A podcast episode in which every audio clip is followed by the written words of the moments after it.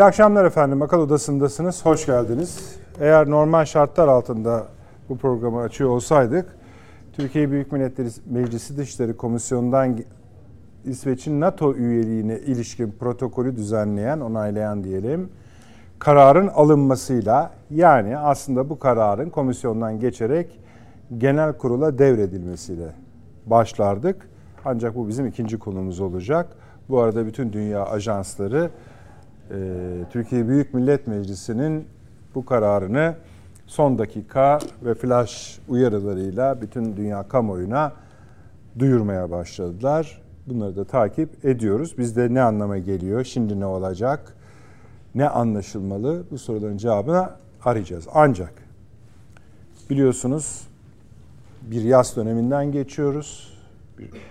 İki terör saldırısında evlatlarımızı kaybettik. Bu üzüntü içinde aynı zamanda şunları da kavramaya, anlamaya, çözmeye daha çok çalışıyoruz. Neden şimdi yani zamanlaması neden bu saldırının bir zamanlama ayarı var çünkü. Mesajı ne? Çok önemli. Arkasındaki ya da arkasındakiler kim? Sebepleri ne?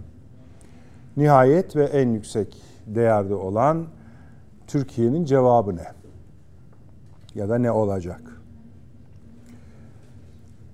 Öne çıkan bazı teoriler var. Mesela burada uzun konuşmuştuk. Irak, Ankara'da yapılan Irak Türkiye zirvesi ve bunun içeriği bu akşam biraz daha açabiliriz onu. Ya da yine aynı zamanlamaya denk düşen işte biraz önce ilk cümlelerinden bahsetti, cümlelerde bahsettiğim İsveç için gönderilen bir mesaj olup olmadığı artı sahadaki durum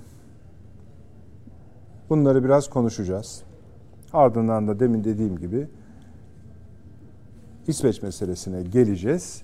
Bir seri konumuz daha var ama tahmin ediyorum şimdi söylemeyeyim sizlere. Yetiştiremezsek mahcup olmayalım. Bunlar çok kritik konular.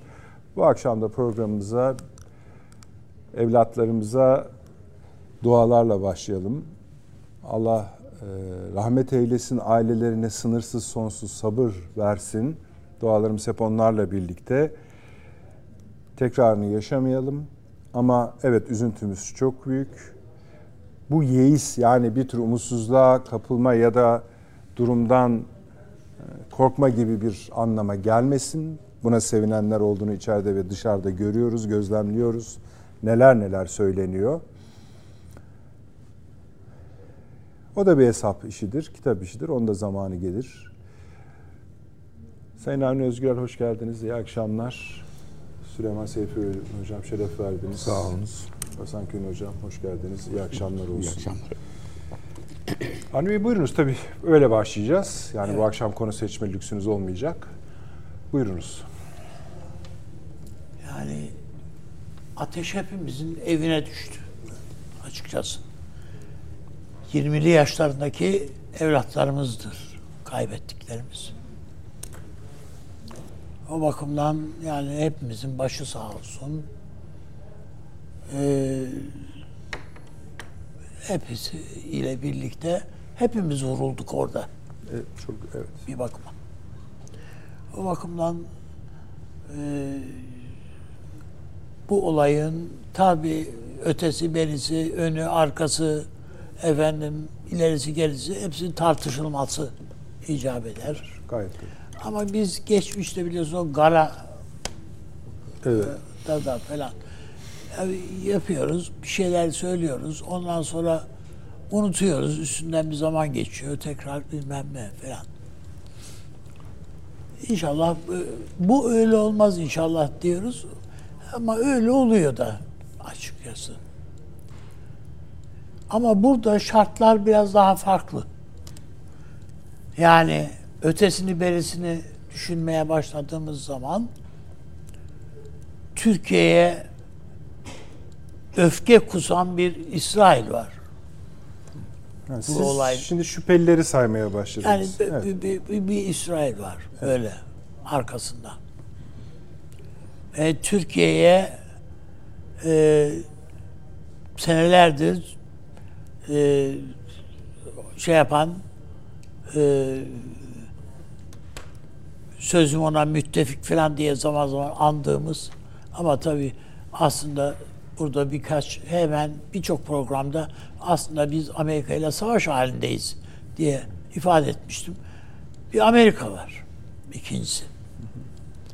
Yani İsrail'in arkasında bir Amerika var. Üçüncüsü daha bir hafta bu olaydan bir hafta önce burada tartıştığımız bu e, Basra ve, ve Türkiye e, ka, kalkınma yolu projesinde haritaya bakarsanız o yolun güzergahına Verelim ve nereden aldık, nereye gidiyor. İran'ın dışlandığı bir projeyi İran'ın dışlandığı bir projeyi Irak yönetimine en üst katına imza atmışız. Evet. Bundan İran'ın duyduğu öfke var. E, o da var yani. Bir parantez. Dördünde biliyorsunuz şey geliyor buraya. Evet. Yine er, ertelemezse tabii. Ya, yani ertelesin ertelemez fark etmez. Dördü reisi, reisi geliyor. geliyor. Tamam. Muhtemelen onu biraz sonrasında filan herhalde Putin de Sayın Cumhurbaşkanımızla bir görüşme arzusundaydı. Yılbaşından hemen sonra diye. O var ortada olan ve tabiatıyla yani Türkiye'de biz ne kadar işte yok kökünü kazıdık, yok bilmem ne filan filan desek de arkasından efendim Türkiye'ye şeyini duygu, e,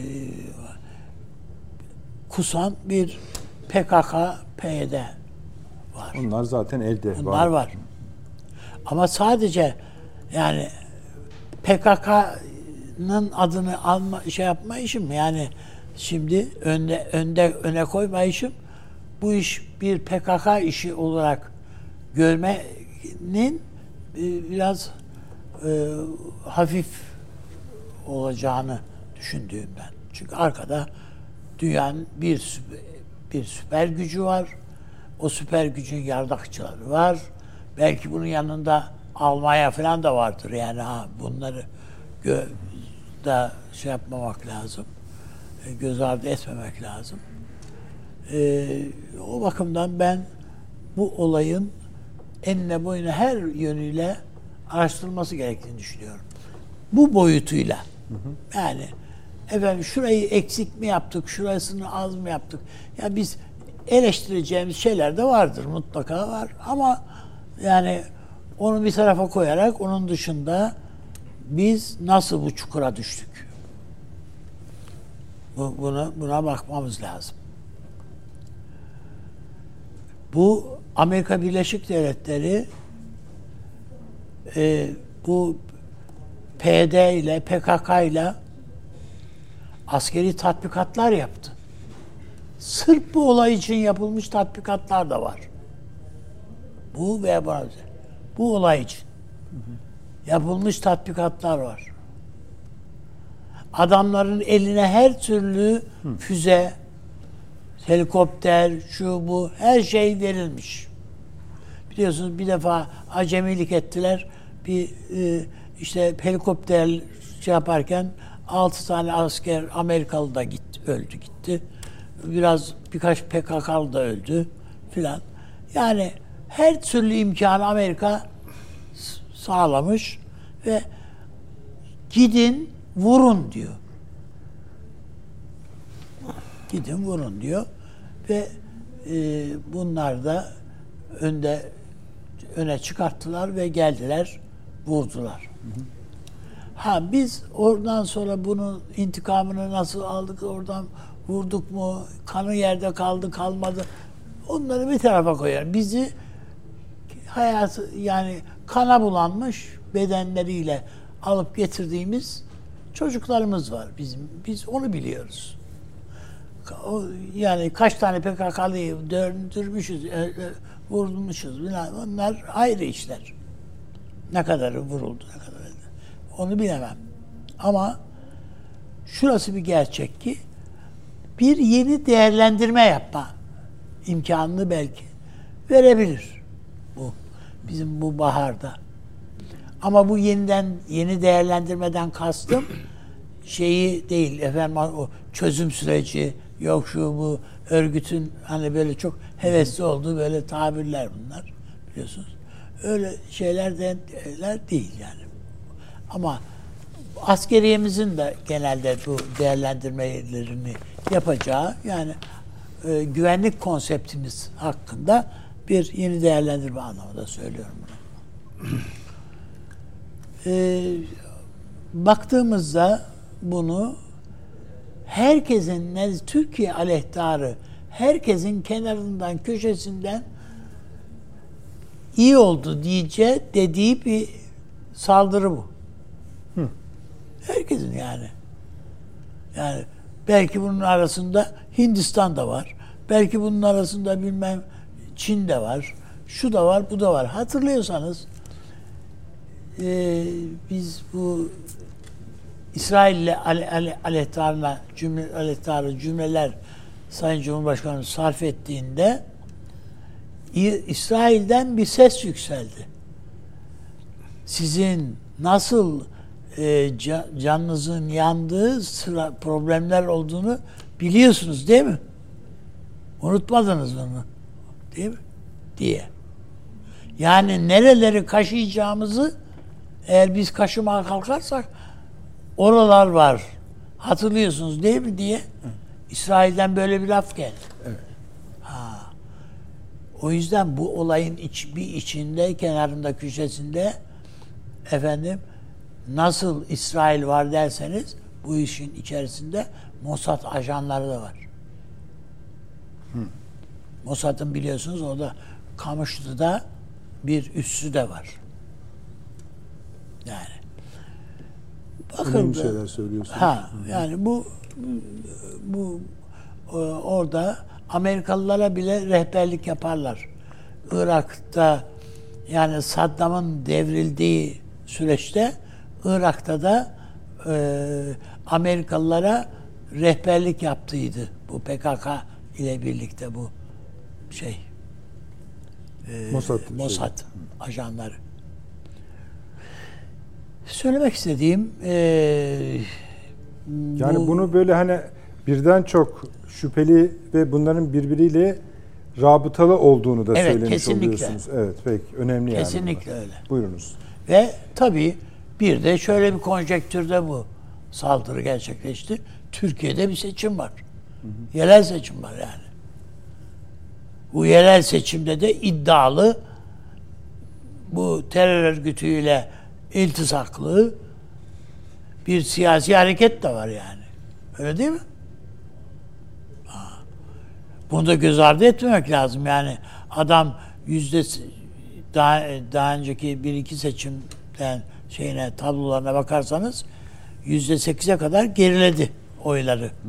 Yüzde on iki, on dört oy alırken on en az, en düşük oy alırken böyle e, yakın dönemde efendim oylarında gerileme görülen bir şey oldu.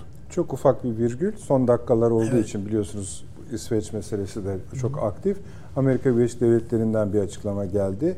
Ee, NATO İsveç'in NATO üyeliğine ilişkin teklifin Türkiye Büyük Millet Meclisi Komisyonu'ndan geçmesini memnuniyetle karşılıyoruz. Başkan Biden'ın Türkiye'ye F-16 satışına olan açık desteği sürmektedir. Evet, evet. Yani zaten e, aynı şekilde biliyorsunuz askerlerinizin ölmesine çok yani şehit olmasına şey, çok üzüldük. Diyorlar, evet. Başınız sağ olsun filan filan diye telgraflar da var. Yani öyle bunlar yani e, yeri gelecek abi. Sen işte, hani son dakikayı verdik. Ma, ma, Mart kedisi gibidir. Yani hem yapar hem ağlarlar. Peki abi. Sen şeyini bozma. Evet işte bu. Yani söylemek istediğim. Hı hı. Seçimlerde kalmıştın ha? Evet. E, Türkiye'nin bu bu seçimler bizim için çok önemli. Yani görüyorsunuz yani Türkiye'de yani iktidar partisi yani şimdiye kadar hiç böyle tereddütler yaşamamıştığını düşünmüyorum ben e, AK Parti'nin ama belli ki bir şey var yani aday belirlemede şurada burada değil mi yani yani Ya çok daha evvel bu şey yani yılbaşında ya da zaten şurası yani iki, iki ay falan bir şey kalmış yani üç ay. Çok, çok Yani kısa. daha evvel aday açıklanırdı. Demek ki bir takım yani Tayyip Bey'in kılı kırk yardığı bir süreçteyiz yani. Ben şimdiye kadar yaşanan genel, ge- yerel seçimlerde e, ana, e, AK Parti'nin bu kadar şey yaptığını düşünmüyordum. Her neyse yani tabii bunların hepsi düzelecektir filan. Bir bunları söylemek istiyorum. Ama bu çocuklarımızı onun için konsepti biraz daha de indirip kaldırmalıyız. Buna sadece askerler değil. Buna elbette onun dışında stratejistler, halktan da insanlarımız var. Karar, bir- değerlendirme yapmalıyız. Yani e, eskiden yani bizim buralarda bu saldırının gerçekleştiği noktada e, mutlaka şimdiki komutanlarımız da çok ehliyetliler, çok dirayetliler ama e, çok böyle gözü pekler. Ama bizimkilerin cesaretleri çok fazla. Cesaretleri çok fazla da ama e, geçmişte oralarda görev yapmış komutanlarımızın bilgilerinden, birikimlerinden falan istifade edeceğimiz veya da, da otu çağırıp bunları e, danışacağımız bir dönem olabilir. Bir şeyler e, birlikte değerlendirilmeli diye böyle bir şey söz konusu olabilir. Ben e, şu anda böyle bunları söyleyeyim de. Avni abi. Evet. Şöyle bak. Sen e, PKK-PYD dışında üç ülkenin ismini özellikle zikrettin. Evet. İsrail, Amerika Birleşik Devletleri ve İran. Evet öyle. Bunların içinde de İsrail ve Amerika'ya özel bir yer verdin. Yani senin Ya belki de mesela aramızın açılmasına, yani Amerika ile böyle şeker renk olmamıza ve zaten çok tatlı değiliz de Tabii, yani tabii, belki Rusya da buna sevinmiştir yani bir Tabii, tarafıyla. tabii, hani yani ya, şu dediğin çok doğru. Bir daha başkaları da var yani. Listeyi uzatabiliriz esasında. Ha, gayet tabii. Hatta ben dün biraz, yani yarın için biraz böyle yazdım hani e, köşemde. Ben sana şimdi bir ülke söyleyeyim. Herhangi bir ülke. Senden de şöyle bir şey rica edeyim. Bunu lütfen olayla rabıtalayın. Desem bu bunları bulabileceğiniz bir ortam Evet. var. Bunlar ha şaşır. Ha öyle mi? İngiltere mi? E tabii filan da denebilir. Ama hala listenin başındaki ilk iki yerini konuyor. Tabii, sizde. tabii, tabii. Amerika Birleşik Devletleri Tabii, kesin. ve son dönemdeki olay nedeniyle e, İsrail. Evet. Mesaj Bizim ne? Şu utangaçlığımızı bırakmalıyız. Biz Amerika'nın adını bizim özellikle siyasi kadrolu elit- elitlerimiz filan belki medyada da öyle. Hep böyle ya müttefiklerimiz filan gibi laflar, cümleler kullanıyoruz. Bunu bunu terk etmeliyiz. Bizim suçlumuz bizim buradaki ma- suç bizim mağduriyetimizin se- sebep olan ülke Amerika Birleşik Devletleri. Tabii yani son son tahlilde Efendim yani silahı bu çekti de öbürü tetiği mi çekti Çok falan. haklısın. Onlar ayrı. çok haklısın. Yani esasında şunu söylüyorsun. Tamam herkes olabilir, her sebeple olabilir ama bu istikrarsızlık zeminini yaratan bu adamlar. Kesinlikle. Evet. Ve bunların amaçları belli. Göz göre göre burada kendilerince bir piyon devlet kurmanın peşindeler ve kurmaya başladılar. Kurmaya başladılar. Vali tayini var. Kaymakam tayini var. Bir bürokrat tayinleri var. Ya bunları görmeliyiz. Bunları vurmalıyız. Bakın mesela bizim Milli İstihbarat Teşkilatımız çok başarılı operasyonlar yapıyor. İşte e, sarı kate- kategoride aranan bilmem kim. İşte e, kahverengi, yeşil kategoride ki bilmem kim. Bunların hiçbir, bunların hiçbir bana göre şey değil. Bakın İran, İran'ın birisini vuruyor Amerika. Şeyin eee bu Bu şeyi burada Süleymani'nin söylüyorsun. yardımcısı, Suriye'de evet. Görevli. Evet. Yani İran'ın Suriye'deki temsilcisi. Tabii. Yani devrim muhafızlarının Suriye'deki komutanını vuruyor. Amerika. Ha bizim bu tür iş şeylere, operasyonlara görmeye ihtiyacımız var. Bunu e, yani yüreğimizi eğer soğusun istiyorlarsa istiyoruz. E, yani, ki istiyorlardır muhakkak. Yani bizim bunları görmeye ihtiyacımız var. Efendim bunlar Amerikan üssünün içinde saklanıyor. Tamam doğru. Olabilir. Ama ben mesela biliyorum son e, iki haftadır Amerika'nın üç tane üstüne İran saldırdı. Resmen yani. Ya demek ki yapılıyor yani. Yapılmıyor diye bir şey yok. 22 20 tane Amerikalı yaralandı. Doğru söylüyorsunuz. Ha, şimdi bakıldığı vakit ben doğrudan bu örgütün tepesi en işte yönetici kademesinden filan. Hayır. Doğrudan yönetici Ferhat Abdüşahin. Bunu hedef aldınız mı? Sen o bir resim istemiştin. Verelim mi şimdi? Evet verelim. Yani. Arkadaşlar onu bir verin. 8 herhalde değil mi? Öyle biliyorum. Tamam. Siz devam edin. Evet. Yani bu hem Irak'taki Türkiye aleyhtarı bir şeyi, damarı te, hareketlendiren hem Suriye'deki örgütlenmeyi kontrol eden ve yönlendiren İşte bu abi bunu söylüyordun sen. Evet buradaki Amerikan CENTCOM'un Say abi oradaki bunları. Mesela, temsilcisi he. ve oradaki efendim Michel Corriera mı? Casilya. Evet öyle biriydi. Evet. Öyle Sonra şey var orada Abdi mi? Evet. Var. Abdi, bir de Abdi Şahin var. Ve, Bafel mi orada? E, evet bir de Bafel var. E, işte budur diyor. Arkada da bayrak oğlu. Paçavra evet. daha doğrusu gözüküyor. Evet.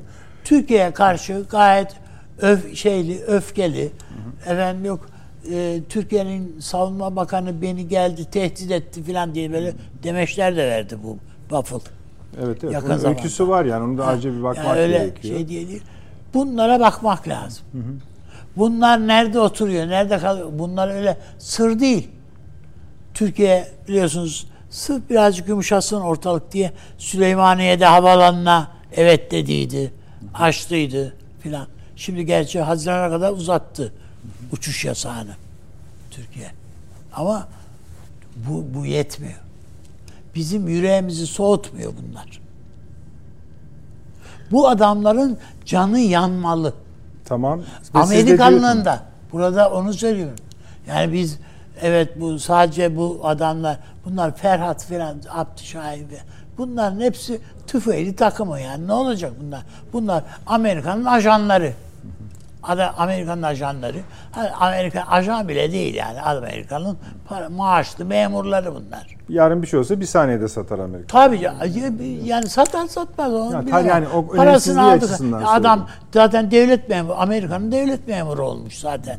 Değil mi yani? Maaşları oradan geliyor. Bilmem parası pulu oradan geliyor. Ama bizim bunların üstüne insanların gözünü diktirmemiz lazım. Peki. Ha, ee, onu tabii hiç söylememe bile gerek yok. Murat Karayılan orada duruyor. Efendim Cemil Bayık orada duruyor filan yani. Yani onları onları söylemiyorum bile. Ben de hem bir bilgi benim bahsettiğiniz şey e, dündü galiba olay. Bu İran Devrim Muhafızları Ordusu'nun Suriye'deki komutanlarından evet. Razi Musevi'ni yani Musevi. aslında bu öldürülenin yardımcısı. Evet yardımcısı. ondan sonra Onlara göre Suriye'de askeri danışman olarak görev yapıyor. Ve orada işte ve ha Irak'ta 2020'de ABD'nin saldırısında öldürülen Kasım Süleyman'ın Kasım yakın, Süleyman'ın yardımcısı. Ark, yakında arkadaşı aynı zamanda. Tabii. Evet. Onu öldürdüler. Bir e, İran'dan da bir açıklama yani var. Amerika eylem yaparken hiç gözünün yaşına bakmıyor kimsenin. Evet. İran'dan da bir açıklama var. Ee, İran resmi ajansı İran Dışişleri Bakanı'nın reisinin Ocak ayının ilk haftasında yani İran Cumhurbaşkanı'nın Ocak ayının ilk haftasında Cumhurbaşkanı Erdoğan'ın davet üzerine Türkiye'ye geleceğini belirtmiş. Biz yine şeyimizi evet. koyalım yani ola ki ertelemez çünkü 3 evet. olacak gibi Eğer ertelemez gözüküyor. Öyle. Evet abi teşekkür ediyoruz. Tamam. Bir can yakması Evet, e, şeyiniz var ve bunu yöneltirken de bölgemizdeki Amerikan varlıklarının içinde olur, dışında olur diye bir şey ayrım gözetmediniz. Evet. Çünkü çünküsü yok öyle. Tabii canım doğru. Peki. Süleyman Hocam buyurunuz. Estağfurullah. Ee, Aslında Avni Özgür El Üstad'ın söylediklerine benim ekleyecek çok bir şeyim de kalmadı. Yani bu meselenin bir sivrisinek meselesi değil, bir bataklık meselesi olduğunu, yani sivrisineklerle mücadele de tabii önemlidir de, ama bataklığı kurutmadan da bu işlerin altından kalkılmayacağı e, vurgulandı konuşmasında. Bunlara ben tamamen katılıyorum. Yani şöyle basitleyerek söyleyeyim. Bu rahmet dilediğimiz, acı duyduğumuz kayıplarından dolayı 12 evladımıza bu kurşunu sıkan Amerika. Ve onunla işbirliği halinde bugüne kadar devam eden İsrail. Çok açık. Yani bunun tartışılacak ne tarafı var bilmiyorum. Zamanlama diye işaret ettiniz. Zamanlama evet Türkiye çünkü Gazze meselesinde en kip duran, en sağlam duran devletlerden biri. Gün geçmiyor ki Türkiye'den yapılan açıklamalar İsrail'e cinnet geçirmesin, geçirtmesin. Ki açıkta söylediler onlar da. Biz hani bunları duyuyoruz. Sonrasına bakacağız falan gibilerden Evet, lafları evet. var. Ha ayrı konu. Ama Bakarlar şimdi bakamazlar. bunu böyle bir revanşist e, formata oturtmamak lazım. Yani işte kanları yerde kalmayacak, gideceğiz, tepeleyeceğiz. Yapılıyor tabii bunlar yani. Yapıl, yapılacak zaten. Ama bunun tekrarı bir daha olmaması için ne yapılması lazım? Bu daha orta vade bir düşünüş gerektiriyor. Bu da yetmiyor. Türkiye adım adım adım Batı'nın dışına, Avrupa'nın dışına, NATO'nun dışına itiliyor. Şimdi biz bu durumu ne kadar daha kaldırabileceğiz? Bir mukayese yapma e, imkanı sağlayacağını düşündüğüm için İran'a ve Rusya'ya işaret edeceğim. Şimdi Rusya dışlandı. Tamam. Yani zaten çok da kabul görmemişti de. Yani nihayet yani, kakılmıyordu. Ama evet, şimdi ama şimdi ümüğüne basıyorlar yani. Kelimenin tam anlamıyla.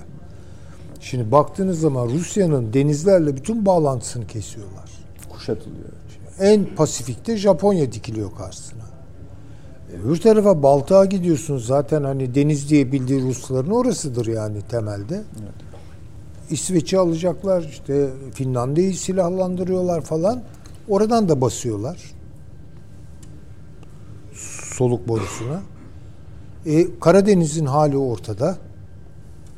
E şimdi baktığınız zaman yani Rusya evet okkanın altına gidenlerden biri. Ama hiçbir zaman Rusya bizim gibi Batı'nın bir parçası olmadı. Yani entegrasyon anlamında söylüyorum. Tabii, tabii. Yani ekonomik, Yoksa siyasi, batıya oldu ama bizim gibi yani yani, NATO Rus kültürünü çekerseniz Batı kültürünün çok büyük bir tuğlasını sökmüş olursunuz yani. E bunu bile yaptılar. Yaptılar. Evet. İran. İran ta Reagan döneminde yani yaptıkları İslam devriminden bu yana dünyanın tard ettiği, ablukalar uygulanan, ambargolar uygulanan bir devlet. Bunlar hedefte mi? Evet, öyle gözüküyor. Peki Türkiye? Şimdi Türkiye hani şairin bir sözü var ya ne iç, hem içindeyiz zamanın Hem de yani ne içindeyiz zamanın ne büsbütün dışında gibi. Böyle arada bir hal. Şimdi bunun getirdiği bazı dönemsel avantajlar olur. Yani Türkiye'nin eli İran'a göre, Rusya'ya göre biraz daha ne bileyim kart açabilir. Ama bunun uzun vadede Türkiye için bir dezavantaja dönüşeceği çok açıktır. Şimdi Necip Fazıl Kısaküre'nin bir sözü vardır. hocam bir saniye onu Buyurun. bir, tam anlayalım. Uzun vadede dezavantaj üretmesi hangi sebeple? Arada Onu- kalması onu arz sebebiyle mi yoksa Elbette. şu anki halde kalması? Elbette arada kalmasıyla. Tamam. Yani çok sürdürülebilir bir şey değil. Tamam. Yani Taktik. karar vermesini mi talep ediyoruz?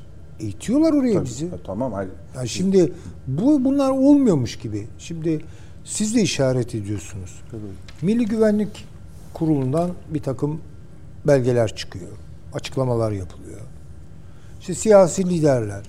Biz bunların arkasındaki tamam PKK'yı söylüyorsun, PYD'yi söylüyorsun. Biz bunların arkasındaki menfur emelleri, ya kimin emeli? Dost ve müttefik e, bildiğimiz bir takım devletlerin bunlara verdiği açık ve örtük desteği de biliyoruz. Kim bunlar? Ya papağan gibi bunları tekrar mı edeceğiz yani? Nereye kadar edeceğiz? Özneyi ne zaman söyleyeceğiz? Hala söylememekte bir nasıl söyleyeyim kararsızlık mı diyeyim, kararlılık mı diyeyim? İki türlü de söylenebilir. Bir kararsızlık hakim, bir e, olsun bir gün bunlar Türkiye'nin ehemmiyetini anlayacaklar. Bunu merak ediyoruz. Sağlamayı yapalım o zaman. Bakalım bize ne kadar ehemmiyet veriyorlar, ne kadar önem veriyorlar. Yani şöyle yapalım. Mesela Biden'a açık açık veya NATO'daki en yüksek düzeyde. Bakın eğer şunları şunları şunları şunları değiştirmeyecekseniz bu yolda devam ediyorsa Türkiye'yi kaybedeceksiniz ona göre. Bakalım ne diyecekler. Bugüne kadar ki izledikleri politikalara, siyasetlere bakarak rahatlıkla söyleyebilirim ki biraz da tebessüm ederek karşılayacaklar bu. Ya bu sağlaması yapılmaya değmeyecek kadar da açık bir şey. Türkiye karar vermek zorunda. Bakın İran'ın bastığı bir zemin var. Beğenelim beğenmeyelim. Rusya'nın bastığı bir zemin var. Beğenelim beğenmeyelim. Türkiye'nin altından halı çekiliyor. Tamam bu böyle biraz bize manevra alanı kazandırabilir. Onun üzerinde de durmak gibi, işte bir yeri düzeltmek gibi falan olabilir ama halıyı çekiyorlar. Bunda bir de, bunda bir yeri dönüş yok. Şimdi Türkiye bir yol ayrımında. Hanidir söylüyoruz bunu yani artık ne yapacaksa yapalım. Eşanlı olarak İsveç'in NATO'ya girişini onaylamaya doğru işte bize onun karşılığında F-16 16'lar verirler falan gibi bir beklenti üzerinden bir gidişat. Ya evlatların ölüyor orada. Bunun hesabı sorulmayacak mı? Yani eğer tabii ben bilemem meclisimizin yüce iradesi ben bir şey söyleyemiyorum ama bunun çok önemli bir sınav olacağı kanaatindeyim Türkiye açısından. E, genel kuruldaki oylamayı Elbette. kastediyorsunuz. Elbette. Yani şu anki o, o e, eylemi de o yönde bir aşama olarak mı gördünüz? Ya bilemem tabii şimdi süreç sonuna kadar takip edildikten sonra konuşulabilir. Şöyle yapalım. Ama- evet, yani sizin de hakkınız yenmemiş olsun. Hani onu zaten ikinci konumuz ya. Onu hakkıyla ikinci konuda. konuda Ama şuna biraz daha devam edelim Buyurun. izin verirseniz Süleyman Hocam. Ee, münhasıran bu olay, yani tamam bir jeopolitik oturttunuz. Çok da doğru. Hiç diyecek bir şey yok. Münhasıran bu iki terör saldırısının, üst üste gelen iki terör saldırısının özel bir sebebi olduğunu düşünüyor Tabii ki musunuz? var. Yani şimdi onu da tabii Üstad çok ayrıntılı ortaya koyduğu için ilaveten bir şey söyleme gereğini hissetmedim ama açmam gerekirse çok açık. Şimdi bakın Türkiye'nin bir de şöyle bir talihsizliği var. Rusya-Ukrayna savaşı, Karadeniz meselesi, Balkanlar, Kafkasya, Türkiye çok bence hakikaten çok takdire şayan duruşlar sergiledi. Tamam. Ama aşağısı rezalet. Bak söyleyeyim. Onu da doğru söylüyorsunuz. Aşağısı rezalet. Çünkü çok yanlış kararlar alındı. Hep daima ya Amerika neticede bizim müttefikimizdir. Onunla birlikte devam edelim. Bu Arap Baharı, Libya'nın bombalanması, Suriye'deki yanlış seçimler, Kaddafi işi öyle oldu maalesef. E ama öyle. Irak'ta daha Özal'dan başlayan hatalar zinciri. Bir koy üç al gibi böyle e, esnaf kafayla siyaset gütmeler falan. Bunların ya aşağıyı yönetemiyoruz. Evet hocam. Yani Araplar, Arap dünyasıyla ilişkilerimizi yönetemiyoruz. İstikrarsızlıklar. Vazgeçemiyorsunuz da. Emevi Çünkü Camii'nde bir namaz kılma İşte ya neler hevesleri. oldu, neler oldu. neler oldu? Ha bir dik duruş gene her şeye rağmen işte o one minute meselesi önemliydi o. Evet. Ama sonra yani Arap dünyasıyla kurduğumuz ilişkiler o kadar inişli çıkışlı ki. Yani sonuçta ama bakan da şöyle düşünüyor yani Türkiye burada bir kararlılık ortaya koyamıyor. Dün Suudi Arabistan'la alabildiğine husumete dayalı bir noktadaydık. E şimdi sarmaş dolaşız. Tuhaf. Birleşik Arap Emirlikleri her konuda Türkiye'nin altına uyuyor. Her konuda. Libya'da karşımızda bu adamlar. Ee, Etiyopya'da karşımızda. Her yerde karşımızda. Ama çok güzel ilişkiler kur. Nasıl oluyor bu? Anlamakta zorlanıyorum yani. İşte ekonomik sahipler, gereklilikler falan bunlar tamam anlaşılıyor da. E ama yani bu, bu kadar mı? İşte bu çok kötü bir durum. Şimdi biz Suriye'de neresinden bakarsanız bakın o hatalı siyasetler yüzünden Amerika'nın yanında duruyoruz. Yani Doğru. bal gibi Amerika'nın yanındayız. Yani gönüllü seçerek değil ama fiili durum. Çünkü onlarla birlikte yola çıktık. Suriye'nin dostları hikayesi bilmem ne. Evet, evet. Ve dımdızlak bırakıldık. Hillary Clinton. Yani e, Hillary Clinton tabii. E şimdi yani bunları nasıl tamir edeceğiz? Şimdi nasıl tamir edeceğiz? E işte yani ben tabii şimdi ben bunu Mesela Avni Bey yani en azından aklımda tabii ben olsam ne yapardım diye bir, takım şeyler var ama bunları ben söylemek biraz bana çiğlik geliyor çünkü ben siyasetçi değilim. Ha, Siyasetçiler benden alasını düşünürler yaparlar herhalde. Ama yani orada da bir şeyimiz yok bir türlü bir muvazene tutturamıyoruz. Yani keşke şu Karadeniz'de uyguladığımız akılcı siyaseti orada da uygulayabilseydik çok bence rahat olacaktık. Yapamadık onu. Peki Şimdi İran'la bir türlü oturmuyor. Ve üstelik bu sorunların büyümesi için yeni sorunlar çıkıyor karşımıza. Onları büyüten. İşte Kafkasya meselesi var. İran'la gene karşı karşıyayız. İşte yok kalkınma yolu diyorsunuz İran dikiliyor oradan. İran Türkiye'nin altına oymak için. Çünkü İran'ın gözünde de Türkiye Şimdi biz İran'a güvenmiyoruz değil mi? Yani ki haklıyız yani birçok açıda. Türk İran Türkiye'ye güveniyor mu? Ona güvenemiyor. Sırf şu Karadeniz'de izlediğimiz çok doğru siyasetler yüzünden Rusya ile nispeten istikrarlı bir durumdayız. Nispeten. Ama aşağı iniyorsunuz Rusya İdlib'i bombalayıp duruyor. İdlib'de neredeyiz? Bakıyorsunuz kim bunlar? E şimdi bakıyorsunuz işte El-Kaide çıkıyor altından bilmem ne çıkıyor. Onları haylamaya çalışıyorsunuz bir tarafta. Hakikaten çok zor. Ama Türkiye'nin artık adım adım yani köprüden önceki son çıkışa doğru yaklaştığını görüyorum. Ya orada teslim olacağız. Seçeneklerden biridir. Yani e, Allah bizi Rusya'dan uzak etsin. Bunlar Moskov'tur falan diye böyle tarihsel kuşkularımız bu aceme zaten güvenilmez falan deyip her şeye rağmen biz Batı'nın yanındayız. Ne istiyorsun? İşte İsveç'im ben. Buyur al İsveç'i. Mesela yani bundan sonra biz burada Batı sisteminin güç, güçlü müttefiki olarak devam edeceğiz. İhtimallerden biri bu. İhtimallerden biri e, yeter demek yani. Yeter. Açık açık da söyleyip gereği neyse bunun mühendisliği nasıl yapılır bilmiyorum ama Türkiye orada bir çark edecek. İkisinden biri. Bir üçüncü yol benim aklıma gelmiyor. Yani kifayetsizliğime verin. Estağfurullah. Görebildiğim Estağfurullah. işte iki tane yol var. iki seçenek var. Bunlardan biri olacak.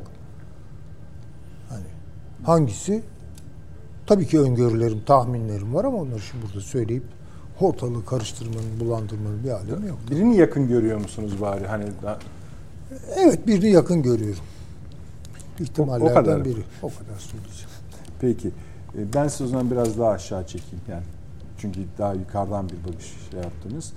E, evet zaten hani siz Avni Bey'le listenin başı konusunda aynı fikirleri taşıyorsunuz bu eylemin Tabii, arkasındaki. tabii. Hatta daha ilerisini de söylediniz. Dediniz ki bu kurşunları çeken bu adamlardır. Amerika'dır. Yani İsrail'dir, her azmettiricisi onlardır.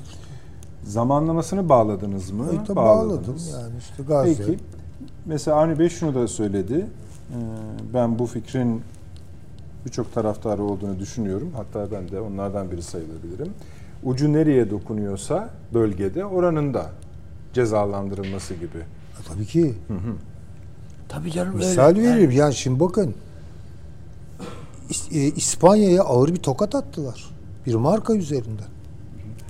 Çünkü İsrail şey İspanya İsrail'i sürekli eleştiriyordu filan yani başbakanları şu. Öyle mi dediler? Bak görürsün sana ne yaparız. O marka meşhur biliyorsunuz değil mi? Evet evet. Söylemeyin. Ondan sonra. Veya İrlanda. Vallahi İrlanda'yı alt üst ettiler bir günde. Ya şimdi bu adamlar çalışıyor ya bu adamlar tamam çılgın bir proje üzerinde çalışıyorlar ama çalışıyorlar. Yani İsrail'i eleştiremiyorsunuz. Bir şey söyleyemiyorsunuz. Avrupa'da bugün biri çıksa ya İsrail'i falan herkes şimşekler sen antisemitizmsin bilmem ne misin yükleniyorlar. Yasalar çıkarıyorlar. Bu kadar ağır bir faaliyet var. Yani medyada çalışıyorlar, sosyal medyada çalışıyorlar. Ben çok anlamıyorum ama yani olduğunu aşağı yukarı kestirebiliyorum. Ve yalan kampanyaları düzenliyorlar. Yani dolayısıyla Türkiye bu durumda en yakın devlet yani sahaya en yakın, yangının olduğu yere en yakın devletlerden biri tutarlı bir şekilde İsrail'i lanetliyor. İşte bir takım olaylar oluyor duyuyorsun işte bir firma yani bir gıda Evet evet. e, kafe zincirine saldırılar oluyor bilmem ne oluyor. Tabi bunları asla ben tas- tasvip etmiyorum. Sureti katiyeti ama adamları düşünebiliyor musunuz? Ya şu Türkiye'ye bir ders vermek lazım. Kendilerine göre bunu düşünüyorlar ve o zaman da çok manidar geliyor zamanlama açısından bu yaşanan bu ağır kaybımız. Acı hadise. Devam edeceğiz hocam. Bu arada Avni Bey siz bu şey şöyle bir ifade mi kullandınız? Kamışlı'da e, şeye rehberlik edecek Mossad. ajanı. Mossad'a. Kamışlı evet, mı dediniz? Evet, onu? Kamışlı. Peki. O da ilginç bir şey. O da ilginç bir şey. Ondan not etmiş olalım. Ee, Hasan Hocam Yani buyur. ben e, Hasan Hoca'ya tabii, geçerken buyurun. Konuş, bir şey bir söyleyeyim. Bir ara İdlib'de gerginliği azaltma bölgeleri kurulduydu hocam hatırladınız Evet. mı? Dört bölge bulundu. Dördü gerginliği azaltma bölgeleri. Kimlerin arasında? Türkiye, Rusya, İran arasında. Rusya ile İran üç bölgeyi işgal ettiler. Dördüncüsünde Suriye işgal etti. Biz biz arada devriye falan geziyorduk. 12 taneydi onlar. Evet. Düşe düşe. Yani kime ne diyeceksin yani? Herkese Hasan söyleyecek lafımız var yani. Var da Olması Hasan Bey söylesin. Buyurunuz hocam. Efendim ben biraz daha öncesinden başlayacağım. Ay, ay. Ee, bu Amerika'dan yeni gelmiştik. Dışişleri Bakanlığı dedi ki e, Almanya'ya gideceksiniz. Orada dedi Komg- Komgar'la görüşeceksiniz. Bu, ha, o, o zamanki şeyin PKK'nın şeyi değil mi bu? Öyle bir şey miydi? Bu biraz daha PKK'nın dışında bir örgüt. Kongre gel. Evet. Değil mi o? daha yumuşak bir tarzda. Ee, ilk defa dediler e, Kürt adını, PKK adını kullanabilirsiniz. O zaman MHP e, Kürt yoktur işte karlara basıldığında kart kurt diye ses çıktığı için böyle bir şeyler veriliyor gibi bir analiz yapılıyordu. E, Türkkaya Atölye vardı profesör.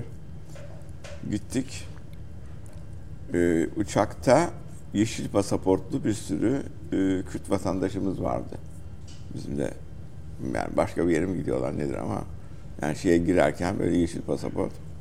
Neyse dışları karşıladı. Bizi kongrenin yapılacağı salona götürüldü. Ee, söylenen şey şu, işte demokrasi, biz birlikte demokrasiyi kuracağız. Bir ülke içinde etnik yapısı, dini yapısı ne olursa olsun halk bir bütündür. İşte Amerika böyle, İngiltere öyle, herkes var. Ama bir bütünlük içinde. Ha? Ee, Kongarlarla bunu konuşuyoruz. Birden Kongar temsilcisi geldi. Dedi ki e, salonu terk edin dedi. Durum tehlikeli. Niye? E, PKK geldi. Bizi getiren arabayı bıraktık. Biz koşarak metroya elçiliğe gittik. Ee, o zaman şeydi. E, Örsan Öymen e, Büyükelçi. Büyükelçi dedi ki elçilikte yapalım. Buraya cesaret edemezler. Yani konuşmaları elçilikte yapacağız. Türkçe konuşacak sonra ben konuşacağım. İşte demokrasi içinde birlikte olabilmek, şöyle olmak, şöyle olmak falan filan. 2001 yılında Onur Öymen mi dediniz? Onur Ömer, Onur Ömer, Ersan Ömer dedim. Onur Ömer. 34 tane basın mensubu da geldi. Geldiler. Belçika Kürt televizyonu. Almanya Kürt basını. İtalya Kürt televizyon bilmem ne programları. 32 tanesi böyle. Sene 2001. Onur Bey dedi ki ya sen, e, Büyükelçim bu iş Avrupa'da dedi o şeyini tamamlamış sistematiğini. Kürt televizyonu, Kürt basını, Kürt gazetesi, Kürt bilmem nesi, Kürt şey. Sene 2001. Şimdi sene 2024'e geliyoruz. Bir takım konuşmalar falan yaptık. Sonra böyle sessizce gelenler var. Dedi ki demokrasi falan filan mı diyorsunuz dedi birlikte falan. Evet işte bir bütündür Türkiye'de yaşayan halklar. Adam elimizi sıktı. Vermenize gerek yok. Biz zaten istediğimizi alacağız dedi. Buyurun. Alın. Söyleyecek bir şey yok. Ondan sonra olayları görüyorsunuz. Bu 2001. Sene 2024. Olaylar 1985'te başlamış. İsveç bir takım bu hareketlere destek veriyor. İsveç'in arkasında da aslında Amerika var. Yani bütün göçmenler orada biraz daha liberal olduğu için. Ama Fransa'da varlar. Fransa'da Türk bayraklı arabayla dolaşamazsınız.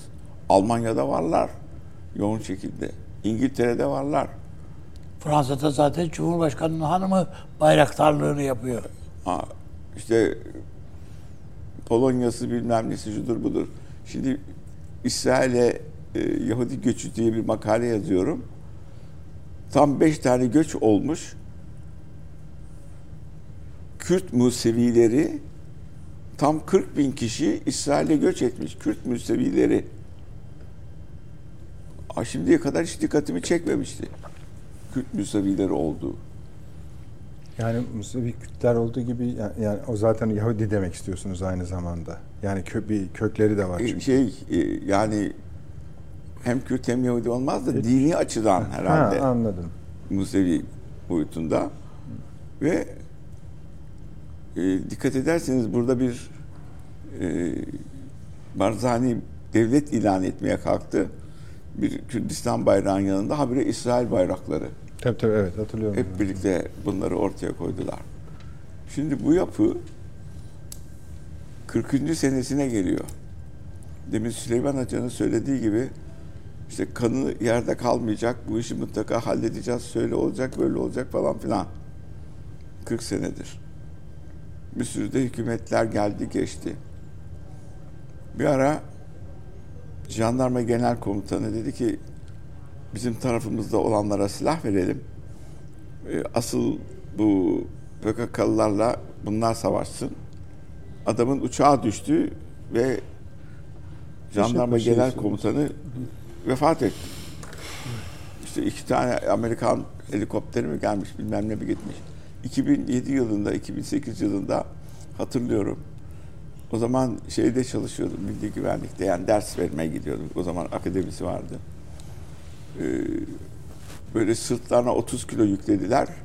Bu Kuzey Irak'a müthiş bir operasyon başladı. Telefon Amerika'dan. Olayı durdurun. Durdurmazsanız şunu yapacağız, bunu yapacağız, şunu yapacağız, bunu yapacağız. O 40 bin kişilik sırtında 30 kiloyla operasyona girecek olan şey bölgelerine kadar gidecek olan olay durduruldu. Kimin emriyle? Amerika'nın emriyle hani şimdi yapılsın diyorlar. Şimdi gene nereden emir gelecek? Amerika'dan bu olayı durdurun. E geçen gün burada Irak tartışıyorduk gene arkadaşlarla konuştunuz. Ya bize vermedikleri füze sistemlerini Irak'a verdiler. Irak kim saldırıyor? İran mı saldırıyor? Ruslar mı saldırıyor? Afrikalılar mı saldırıyor? Bir tek Türkiye, Türk uçakları saldırıyor. Nereye kullanacaklar o füzeleri zamanında? Adam diyecek ki e, bir müdahale ettiniz, iki müdahale ettiniz, üç müdahale ettiniz. Ay yeter kardeşim. Biz de bağımsız ülkeyiz. Suriye. Suriye'de bir yapılanma oluşuyor. İşte petrolü bilmem nesi, şusu busu. Türkiye'de varlar. İran, İran'ın bize yapışkan olan sınırlarında Türk, Kürtler var. Onun hemen arkasında Te- Tebriz'e kadar giden alanda 22 milyon Türk var. Ama Türkiye'nin İran'da bir Türk politikası yok. İran'da bir Türk. Yukarıdaki Azeriler kardeş, İran'dakiler ne olduğunu bilmiyoruz. Şeyimiz yok. Öyle bir politikamız da yok. Yani siz böyle yaparsanız biz de bu 22 milyon Kürdü 22 milyon Türk'ü canlandırırız gibi bir politika yani bir karşı denge olayı olması mümkün değil. İşte Paştunlar var, bilmem neler var filan. Ve tabii bir Zengezur koridorunun açılarak Türkmenistan ve arka yollara bağlanması hiç hoşuna gider bir olay değil. Ve ilk kurulan Türk imparatorlukları İran'da kuruldu. Tabii öyle. Sonradan Şii'ye döndüler, bilmem neye döndüler. Ha bütün bu yapı içinde. Yani sadece İsveç değil, İsveç gidince bu olay durmayacak. Fransa'da varlar, Finlandiya'da varlar, Polonya'da varlar, Almanya'da varlar, Fransa'da varlar. 2002 yılında 2000 2000 yılında da tekrar şeye gittik. Fransa'ya gittik. Böyle bir karar çıkarmışlar.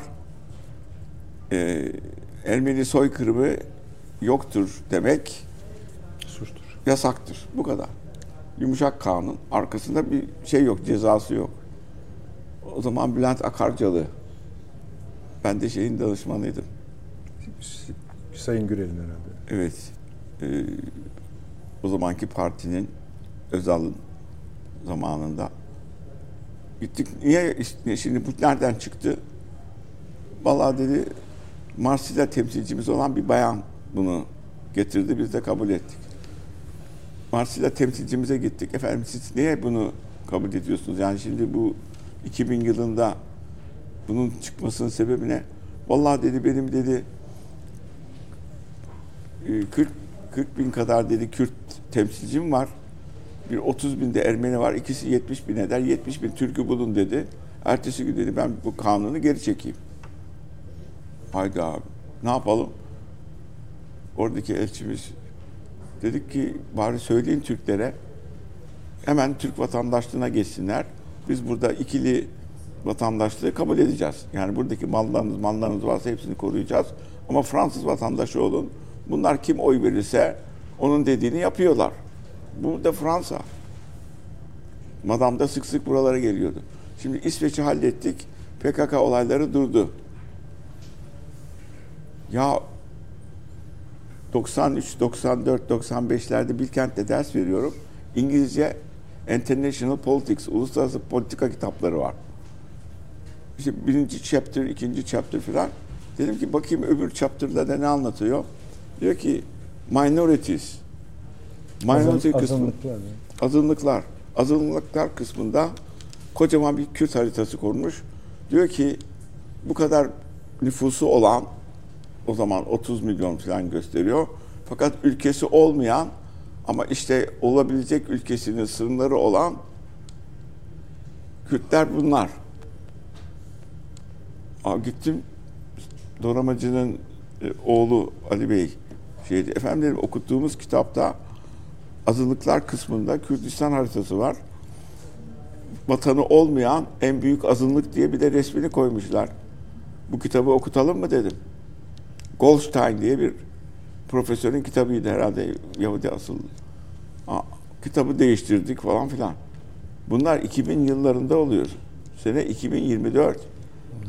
Ha, 2024'te hala kanın yerde al- kalmayacak edebiyatı, oradaki bunlara göstereceğiz şunlar bilmem ne olacak edebiyatı ve orduyu e, dağların tepelerinde bekletme.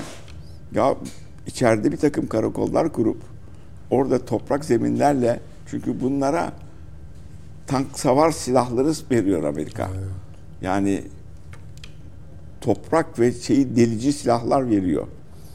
Fazladan da şunu da söyleyeyim. E, hocalarımızın hepsi biliyor buradaki arkadaşlarımızın. Bunların bir kısmı zaten Türk vatandaşı olduğu için Türk ordusu içinde hizmet ed yapıyorlar asker olarak.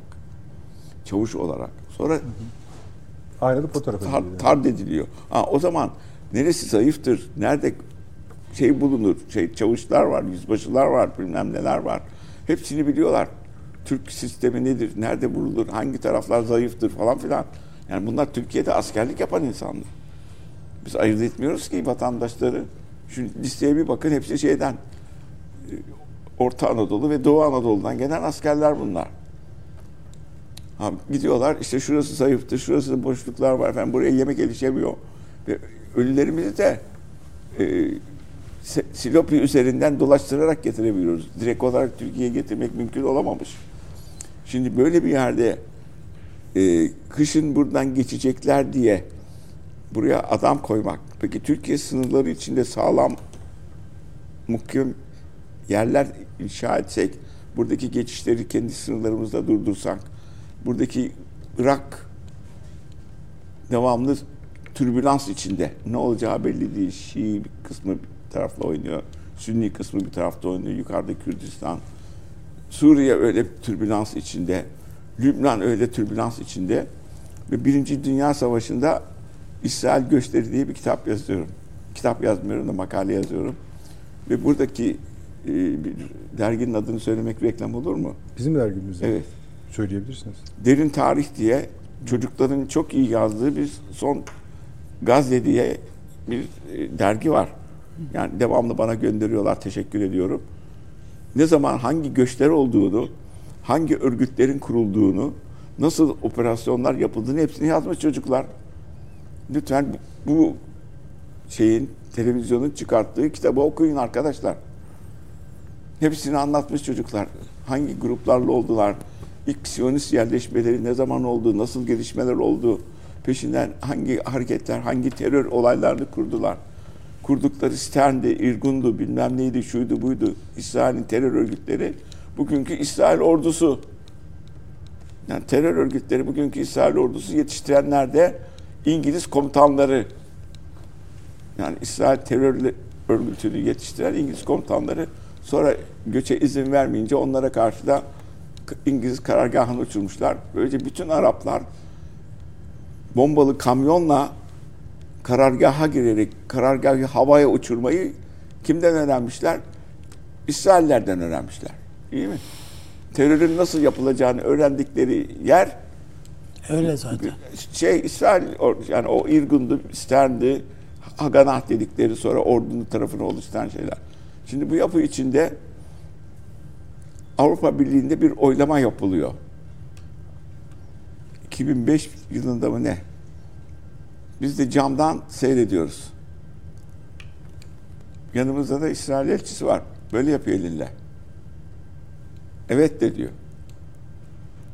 Yani İtalya bilmem ne falan. Öbürü bir sıra bilmem İspanya'ya giriyor. Bu böyle yapıyor camdan. Böyle yapsa oy vermeyecek herif. Şimdi böyle bir yapının içindeyiz. Lütfen bu yapının nasıl bir yapı olduğunu çok dikkate alalım. Bir de bir kitap var maalesef. Yazmış, kendileri yazmış Amerikalılar. Unwinnable Wars. Kazanılamayacak savaşlar diye yazmış bu terör olaylarını. Amerika'ya bakın 50 sene 50 sene Amerika'nın bir tane savaş kazandığını söyleyeyim bana. Vietnam'dan başlayarak girdiği yerlerde kazandığı bir savaşı lütfen bana söyleyin burada şimdi. Aklınıza geliyorsa söyleyin. Gelse hemen söyleyeceğim hocam. Merak etmeyin yani de gelmedi. Avni yok, gelir. Vallahi yok. Ne Somali'de ne bilmem nerede ne bilmem nerede ne bilen nerede. Çünkü hemen karşı taraf ona bir destek vermeye başlıyor. Şimdi uluslararası terör diye bir doktora dersi veriyorum.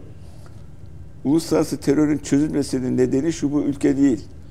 Bir ülkenin terörist olarak gördüğünü öbür ülke kurtuluş savaşçısı olarak görüyor. En büyük temel bu. Yoksa kanunlar mı var? Terörün finansmanı kanunu var. Uçak kaçırmaları kanunu var. Rehine alma uluslararası kanunu var.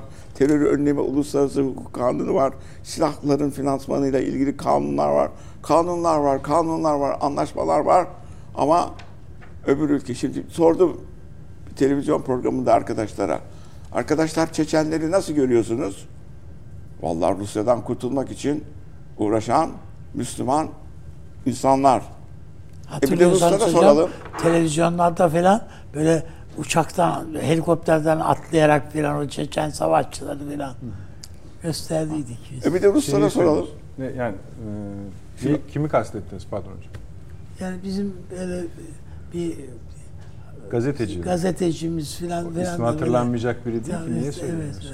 evet, E, onlara göre de onlar şey hadi şey Us- Usame Bin Laden geldi.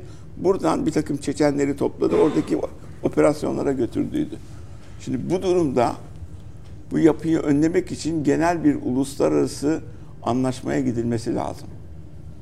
Burada Al- bir virgül koyalım hocam. Avrupa ülkeleriyle. Tamam onu konuşalım ne demek istediğinizi. Ben şuraya da not edeyim ama şimdi birazdan reklama gideceğiz ama bir tek konuda izin verirseniz bir iki şey söylemek istiyorum.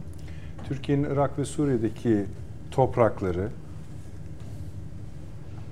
bilerek seçtim bu kelimeyi. Türkiye'nin Irak ve Suriye'deki toprakları eee, her ne kadar dışı başka ülkeler ya da bu, bu da sayılan ülkeler ya Türkler de girdiği yerden bir türlü çıkmıyor deseler de şu aşamadan sonra bir stratejik açıdan iki askeri nedenlerle artık herhangi bir şekilde toparlanamaz, geri çekilemez veya güvenlik nedeniyle ya da PKK şu bu nedenlerle ülke içine alınamaz. Bu açıdan e, yeni bir belki sizin bahsettiğiniz anlaşmanın içine o konulması gerekir. Bunu biraz daha ileri götürmek gerekiyor. Yani bir terör olayı oldu diye yaklaşık 50 yıldan fazladır benzer olaylarla karşılaşmış bir ülkenin Suriye ve Irak'taki varlığı, askeri varlığının azaltılması, eritilmesi, kendi içine çekilmesi gibi bir şey şu prensipten hareketle artık söylenmemelidir bence benim fikrim o. Ee, şu doğruydu. Eğer biz oraya gitmezsek onlar buraya geliyor. Bunda artık bir tartışma konusu yok. Yine devam edeceğiz efendim. Bir reklamlara gidelim. Aynı konu üzerinden biraz daha yürüyeceğiz. Akıl Adası devam ediyor efendim. Birinci konumuzu bitirmeye gayret ediyoruz. Ama bu, bu programda bitecek bir iş olmadığını artık hepimiz biliyoruz. Ee, Hasan Hocam teşekkür ediyorum buraya kadar ki analizlerinize ama biraz daha hani size de aynı şeyi konuşmalarınızın e, içeriğinden hissettiğimiz siz de bu terör saldırılarının arkasında Amerika Birleşik Devletleri ve İsrail'i görüyorsunuz. Öyle Evet, anlıyoruz. Ee, bunun mesajının bu olaya özel olarak ne olduğunu düşünüyorsunuz? Yani tamam ortada bir terör sorunu var ve sizin yaptığınız genel bir terör analiziyle nasıl mücadele edileceğine ilişkindi. Ama bu olayın şimdi olmasının özel bir sebebini görüyor musunuz? Yoksa şöyle diyenler de var mesela Avni abi. Ya kardeşim o kadar arkasına bir şey kurmanıza gerek yok. Kış dönemine geçiyorlar. Kış döneminde de bu tür eylemler yapar. Benim aklıma çok yatmadı ama bunu söyleyen askeri uzmanlar da var. Bilmem, ben bilmiyorum belki doğrudur belki Onlar yanlış. bir şeyin uzmanı ama askeri değil yani. Peki. Yani Bunu duymayı, duymak için sormamıştım. Peki buyurunuz. Ya evet şimdi e, her seferinde e, Amerika ile olumsuz bir ilişkimiz olduğunda mutlaka bir takım Gelişmeler oluyor diyorsunuz. evet olumsuz mesajlar geliyor bu açıkça. E, mesela İsrail'le olduğunda bu sefer ekonomik mesajlar da geliyor. Yani dünya işte banka sistemini tutuyorlar, bilmem neyi tutuyorlar, şunu tutuyorlar, bunu tutuyorlar falan filan. Burada gene söylemiştim. Amerikan Genelkurmayı 1947 yılında bunlar harekete geçiyorlar. İsrail devleti kurulması için bir sürü terör örgütleri de kurmuşlar. İşte Stern'di, Irgun'du, Haganah gibilerden. Diyorlar ki burada Araplarla uzun müddet çatışmaya gireriz. Burada bir e, e, askeri yapı bulundurmamız lazım. Bu da uzun sürer. Halbuki biz 1933 yılında Suudlarla anlaştık. Ama Harry Truman seçimi kazanmak istiyor. Seçimi kazanmak için diyor ki hayır bunun kurulmasına destek vereceğiz. Şimdi öyle bir imaj var ki bunlar bir, bir gemiyle geldiler. Exodus yaptılar. O gemiden çıktılar savaşarak oraları aldılar. Hayır. Ve hatta onun üzerine şimdi ekonomik olarak onda ayrı bir konu konuşuruz ama ve ferah bir müreffeh bir devlet kurdular. Evet. Yani bir anda evet. Ha, birdenbire şeylerle geçtiler. Bir olaya daha şahit oldum. Yani dokümanlardan. Ee, Hitler yönetimi 1934 yılında e, bu göç e, İsrail'e göç örgütü kurulmuş e, Avrupa'da. 100 milyon Alman Deutsche Mark vermişler. 80 bin Alman Yahudisinin İsrail'e göç edilmesi için.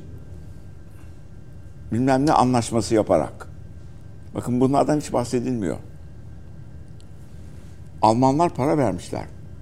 80 bin Yahudinin İsrail'e göç etmesi için 1934 yılında. Hayretle okudum. Bu İsrail arşivleri var. Bir kısmını İngilizler okumuşlar. Illicit Adventure yani yasa dışı e, Mace, garip bir şey var. macera falan diye Journey. böyle bir böyle bir ciddi kitapta bütün İngiliz arşiv belgeleriyle yazılmış. Sir bilmem kimin Winston diye birinin yazdığı kitap. Orada sonra internete girerek baktım. Almanlar hakikaten bu kadar İsrail'in İsrail'e göç etmesi için daha doğrusu Filistin'e göç etmesi için para verdiler mi evet var. Anlaşmanın adıyla birlikte var.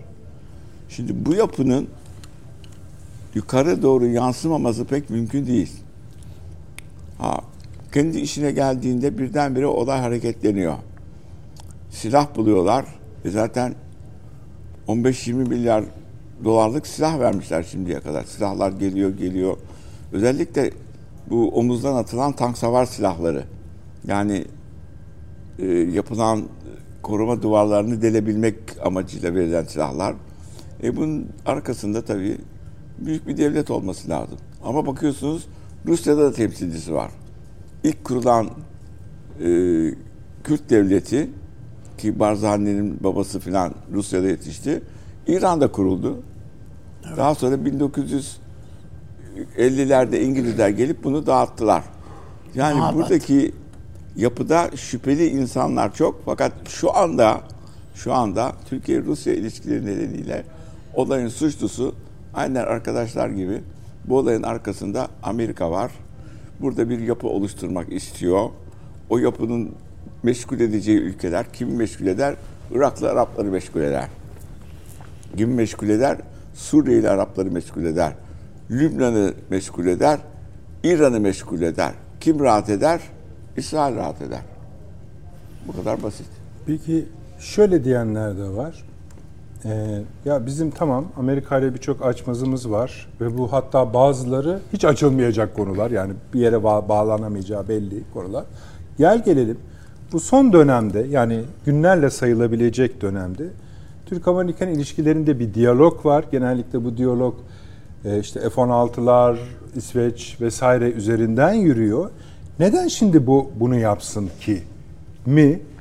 Yoksa bunları zaten hani doğru düzgün ta- e, takip edin diye mi Türkiye'ye aba altından sopa gösteriyor? E, bence Yani aba, biz- hı. aba altından soba gösteriyor. Şimdi bakın 1991'de buraya bir operasyon yapılacaktı.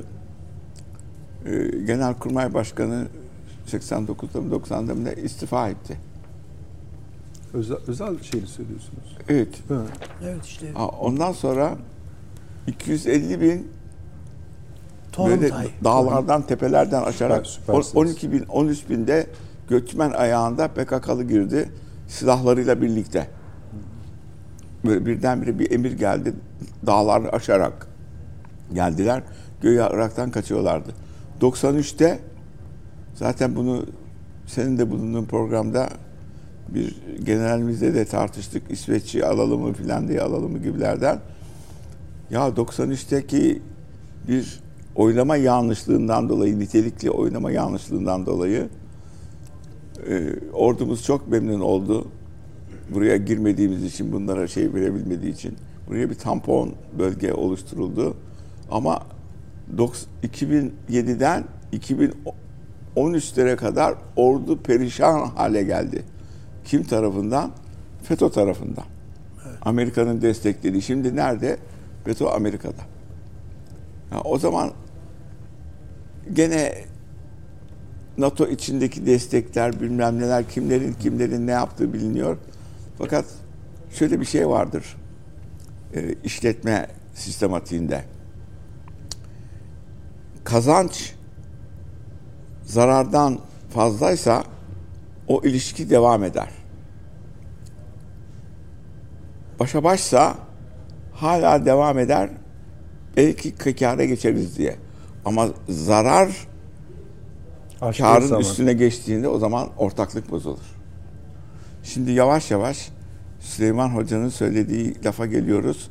Bu ortaklıktaki olay zarar vermeye başladı. Güzel.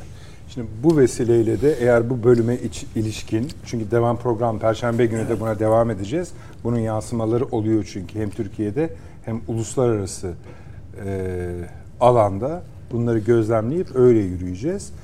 Fakat şimdi şeye eğer yani ekleyecekleriniz varsa da eklerseniz şu İsveç meselesine bir geçelim. Şimdi ben bugün hocam tabii buyurun. Söyle, yani ek, şöyle ekleme yapayım. Bir tarihte bu akil insanlar diye bir grup vardı. Biz de orada, ben de orada üyeydiniz. Rahmetli Taran Erdem Hoca'yla aynı gruptaydık. O başkandı, ben yardımcısıydım falan. Bir gün Taran Hoca dedi ki bir yani konsolosluktan bir grup yani bir politika şey efendim görüşmek görüşmek istiyor. istiyor. Amerikan konsolosluğu. İkimiz evet, evet Amerikan konsolosluğundan. Yani ikimizle dedi görüşmek istiyor. Geldiler adamlar. Ee, önce şey dediler yani biz sizin buradaki sıfatınız dolayısıyla biz bunu kaydederek şey yapmak istiyoruz. Not almak istiyoruz. İyi not alın. Ötesi berisi işte burada ne yapıyoruz, ne diyoruz falan bunları konuşuyoruz falan. Adam dedi ki ya ben de anlıyorum ki dedi siz dedi yani bir siyasi çözüme çözüm sizden çıkmayacak. Dedi. E, bizim zaten biz siyasi politikacı değiliz ki biz bir partinin adamı değiliz yani. Biz aklımıza gelen şeyleri zaten Sayın Cumhurbaşkanı'na söylüyoruz. İşte onu o kayda değer bulursa onu değer, şey yapıyor. Ama dedim niye sordunuz buradan çıkmayacak da? Yani sizin bir düşünceniz var da karnınızda kalmasın yani söyleyin. Tarhan Hoca da evet söyleyin dedi yani ne ne diyorsunuz siz yani. Adam döndü dedi ki siz dedi bu federasyon düşüncesine karşısınız değil mi? Hala yekten yani. Ee, evet yani biz böyle bir şey aklımıza gel de yok Geçmedi. böyle bir şey falan dedik. Niye dedi ya ben bunu dedi anlamıyorum dedi. Amerika Birleşik Devletleri federasyon. Almanya'sı federasyon. Yani dünyanın büyük devletleri hepsi federasyon yani. Çok ilginç bir şey söylüyor şu an. Tabii tabii. Yani çok federasyon. Yani siz de büyük bir iddialı bir devlet olmak istiyorsunuz. Yani yanınızda, yörenizde ya bizde de bizde de böyle şeyle Meksikalılarla falan tepişiyoruz, mepişiyoruz ama veya şeylerle işte biz ne yapalım bunlarla bir arada oluyoruz yani işte Teksas'la bilmem New York geçinemez. Şu olmaz bu olmaz yani bazısı çıkar arada biz bağımsız devlet olalım der filan. Hepsi derler ya olabilir. Ama Amerika birlik halinde gidiyor. Ya böyle olsa ne var bunda filan dedi adam. Hiç unutmam. Tarhan Hoca dedi ki bu konuyu sizinle konuşamam dedi. Konuşmam dedi. Yani o zaman dedi benim bir şimdi ben dedi bir Cumhuriyet Halk Partisi'nin bilmem ne yöneticisiliğini yapmış geçmişte bir adamım. Avni Bey bir başka partinin e, siyasi görüşü şey, şey, yakın bir insan. Yani biz siz bunları öyle diyerek bizim bu kimliklerimizle not edeceksiniz filan e, olmaz mı dedi. E, onu tartışamayız filan dedi. Konuşamayız sizinle dedi. Sonra Kıtar Hocası Allah rahmet eylesin bana dedi ki hemen kalkalım. Ya bunlarla oturmayalım. Şimdi düşün, ben halbuki oturup tepişmek istiyordum. Niyetindeydim diyorsun. İstiyordum ama olmadı. Tabii Tarhan Hoca'nın daha bir siyasi tecrübesi var, aklı var. Yani. Tabii o dönemde de yani evet. şeyi de sizin mesela bugünden bakınca belki bana bunu söylemek kolay gelecek size ama yani o e, sürecin Amerika tarafından sabote edilmeyeceğini düşünmediğiniz size pişman mısınız mesela? E, yok hayır. Ama yani, etti. Hayır. Yani, Ama etti sabote şöyle etti. Söyleyeyim. Hı. Şöyle söyleyeyim. Açıkça Tabii, samimi kanaatimi söyleyeyim. Buyurunuz efendim. Ee, ben o süreçte e, Tayyip Bey'in son derece samimi olduğuna ve Türkiye'ye bir çıkış yolu arayışı içinde olduğuna inanıyorum. İnandım. Kendisiyle de konuştuğumda kendisinin söyledikleri de beni ikna etti. Ama o çözüm sürecinde bütün orada yaşananlar, o hani Habur'dan gelenler, tabii, tabii, gidenler filan filan şeyler, o abuk subuk evet. dahil, hı hı.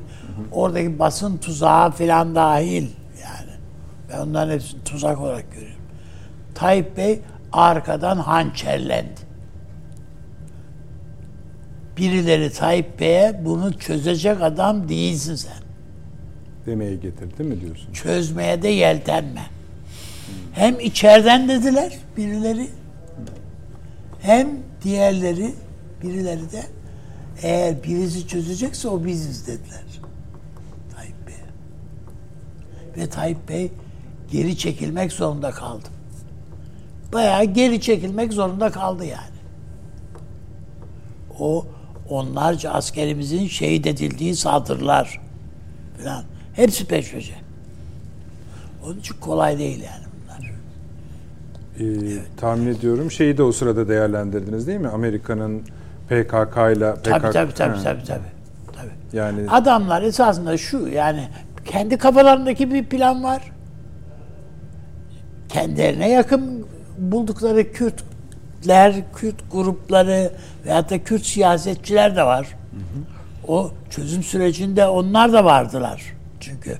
Ve herkes işin açığını söylemek gerekirse Tayyip Bey'in e, iradesine kendi, bırakmıştı kendini. Hı hı. Onlar da dahil yani. Evet. Ve en önemli bir Kürt lider bana bu işi çözerse Tayyip Bey çözer dedi. Evet evet onu biliyorum. Size de söyledim. Evet biliyorum. Onun için yani ama ne, ne yazık ki işte adamlar bunu çözülmesini istiyorlar ve çözüleceksek biz bizim istediğimiz gibi çözülsün. Tabii yani PK, Amerika'nın PKK'ya ne dediğini de biliyoruz. Tabii tabii tabii. tabii Kendim tabii. alo de hani evet. diyerek öyle söyleyeyim evet. sokak ağzıyla. Evet. evet peki. Bir ee, şeyi sadece söyleyeyim. Bu buyurunuz. yakın dönemde İran eski eski herhalde Genelkurmay Başkanı Abdüselam Yağla diye evet. birisi. O bu Türkiye bize bizim topraklarımızı ihlal ediyor bilmem ne işte e, uluslararası yani Birleşmiş Milletler'e bir rapor veriyor ya. O sırada bir bilgi veriyor. Bu muhtemeldir, doğrudur. Diyor ki Türkiye'de Türkiye'nin diyor Irak'ta beş üssü var. Büyük ana üssü var. Beş üssü. Yüz noktada silahlı gücü var. Tabii. 100 noktada. 4000 küsür askeri var. Bunlar ve diyor ki biz işgal altındayız. Peki. Tamam yani. Yani Irak'ın içinde de öyle çok O Genelkurmay Başkanı onu e, işgal Amerikan işgali altındaki Genelkurmay karargahında hayır, mı hayır, söylemiş? Hayır, hayır, hayır, hayır, değil. değil. Ha, bilelim Daha de. Birleşmiş Milletler de e, Birleşmiş Milletler'e giden bir şey bilgi notu olarak söylemiş. Evet. Peki abi. Gelelim şimdi şeye. Artık izin verirsen İsveç. Hı. Şimdi bugün Türkiye Büyük Millet Meclisi Komisyonu'nda konuşuldu, oylandı ve genel kurula devredildi. Evet. Böylece bir aşama geçilmiş oldu. İsveç'in NATO üyeliğinin Türkiye tarafından onaylanması konusunda. Onu da tekrar edelim. Bu bir onay değil. Yani son onay değil bu. Bu ancak Türkiye Büyük Millet Meclisi Genel Kurulu'nun verebileceği bir onay. Ve şunu da söyleyelim. Burada bir eğer Türkiye bunu tutmak isterse bunun bir zaman sınırı yok. Alır 400. 500. sıraya. Gider Allah gider. Ancak mesele o değil. Hani gider mi gitmez mi o konu. Nitekim biz bu konudan e, bahsedeceğimizi konuşmaya başlayacağımızı söylediğim sıralarda Amerika Birleşik Devletleri'nden gelen açıklamayı da sizinle paylaştım. Çok memnunuz. E, Başkan Biden da F-16 sürecini destek. Oylamayı ne kadar yakından takip Tabii, ediyorlar ki hiç oylama sonuçları meclis başkanlığına açıklanıyor. Bir buçuk dakika sonra Amerika'dan teşekkür. Tabii, hemen elçilikten de şeyden de Washington'dan da geliyor Tabii işte. ve bu konuyu konuşuyorlar. Evet, şimdi bu sorumu Süleyman Bey'in de e, çizdiği tabloyu hatırlatarak ki Hasan Bey de ona atıf yaptı biliyorsunuz. Nerede ayağımızı nereye basıyoruz? Bu iş hani gittikçe daha belirgin hale gelmek zorundadır. Yorumu üzerinden nereye koyacaksınız? Şimdi ben daha önceki yani bizim programlarımızın başka bundan önceki akışı içerisinde zaman zaman bu Söylediniz. konu gündeme geldiğinde Şimdi işte bu ben yeni bir aşama. bu geçecek dedim. Bu geçecek. Bu, bu çünkü bu efendim eş zamanlı olarak oylamayı sürdürelim diye de bir karar da verilmişti, verildi. Yani buradan biz bu komisyon kararına çıkacağız, çıkacağız. Oralar efendim F-16'da bilmem neleri e, şeye sunacaklar, bir şey yapacaklar filan filan filan F-16'lar. Buradaki sıkıntımız bizim yani ben, benim kanaatime göre meseleyi F-16 diye görmemizdir esas. Tabii. Yani Problem meseleyi F-16. Oysa bizim problemimiz şöyle. Ben mesela bu e, PKK meselesinde de falan o şeyi görüyorum. Biz NATO Genel Sekreterine belki de bunu söylediğimi hocalarımız daha doğru değerlendirirler. O- o- olabilir, olamaz diye. Biz NATO Genel Sekreterine bir mektup gönderebilirdik. Bu bir NATO üyesinin, bir NATO üyesine yapılmış olan bir başka müttefik ülkenin, Amerika Birleşik Devletleri'nin tavrıdır diyerek. Bunun bütün NATO üyelerine bildirilmesini istiyoruz diye. Bir şey gönderebilir. Ya biz bu Amerika'yı nasıl gördüğümüzü anlatmalıyız. En başta da NATO'ya. Yani üyesi değil miyiz? Evet. Ve bunu anlatmalıyız. Bu ne müttefikliğe sığla aynı savunma anlaşmasının altına imza atmışız. A- Attığınız imzada ya dayanarak biz de ona göre örgütlenmişiz. Fakat siz bizim artımızda bir terör örgütünü destekliyorsunuz. Bizim toprak bütünlüğümüzü ihlal edecek her türlü kumpası, her türlü ayak oyununu, her türlü tuzağı bize kuruyorsunuz. Kuruyor bu Amerika. Bunu izah etmek yani bütün üyeler, üyeler NATO üyeleri nezdinde bunun izahını istiyoruz. Biz efendim e, diyelim ki Fransa'dan ayrılmayı da istiyor değil mi Korsikalılar? Korsikalıların öyle bir derdi de var. Bas, Biz mesela- baslar var. Ha, gibi. Biz bunları kışkırtacak bir takım şeyleri yapıyor olsak bu hoş mu görülecektir? Gayet meşru bir şey midir bu? Onlar da ayrı bir halk. Onların da devlet olma hakkı var filan diye. Bu sorunsuz mu gidecektir? Ha, buna karşılık mesela İspanya'da niye Bask milliyetçileri kaçıp Fransa'ya saklandıkları vakit Fransa hepsini tutuklayıp iade etti. Bunu nasıl yaptınız yani? Niye yaptınız bunu? Bir kısmı Belçika'ya falan kaçtılar. Hepsini teker teker topladılar ve İspanya'ya iade ettiler. Hepsi gidip gittiler, yargılandılar ve mahkum oldular. E bizimkilerin hepsi Almanya'da saklanıyor. Hepsi Amerika'nın himayesinde. Bunların yazıl- yazıldığı bir şeyi, metni ben NATO'ya bütün üyelere dağıtılmak üzere. Yani aslında söylemek istediğiniz şu galiba Avni Bey. Bakın bu terör saldırısı eğer İsveç'le ilgiliyse Ha biz biz İsveç'in bilmem NATO üyeliği bilmem ne falan bunun derdinde değiliz. Yani İsveç yüzünden kavga çıkaracak da değiliz. Ama bu olay önümüze böyle o vesileyle geldi. işte onu söylemeye çalışıyordum.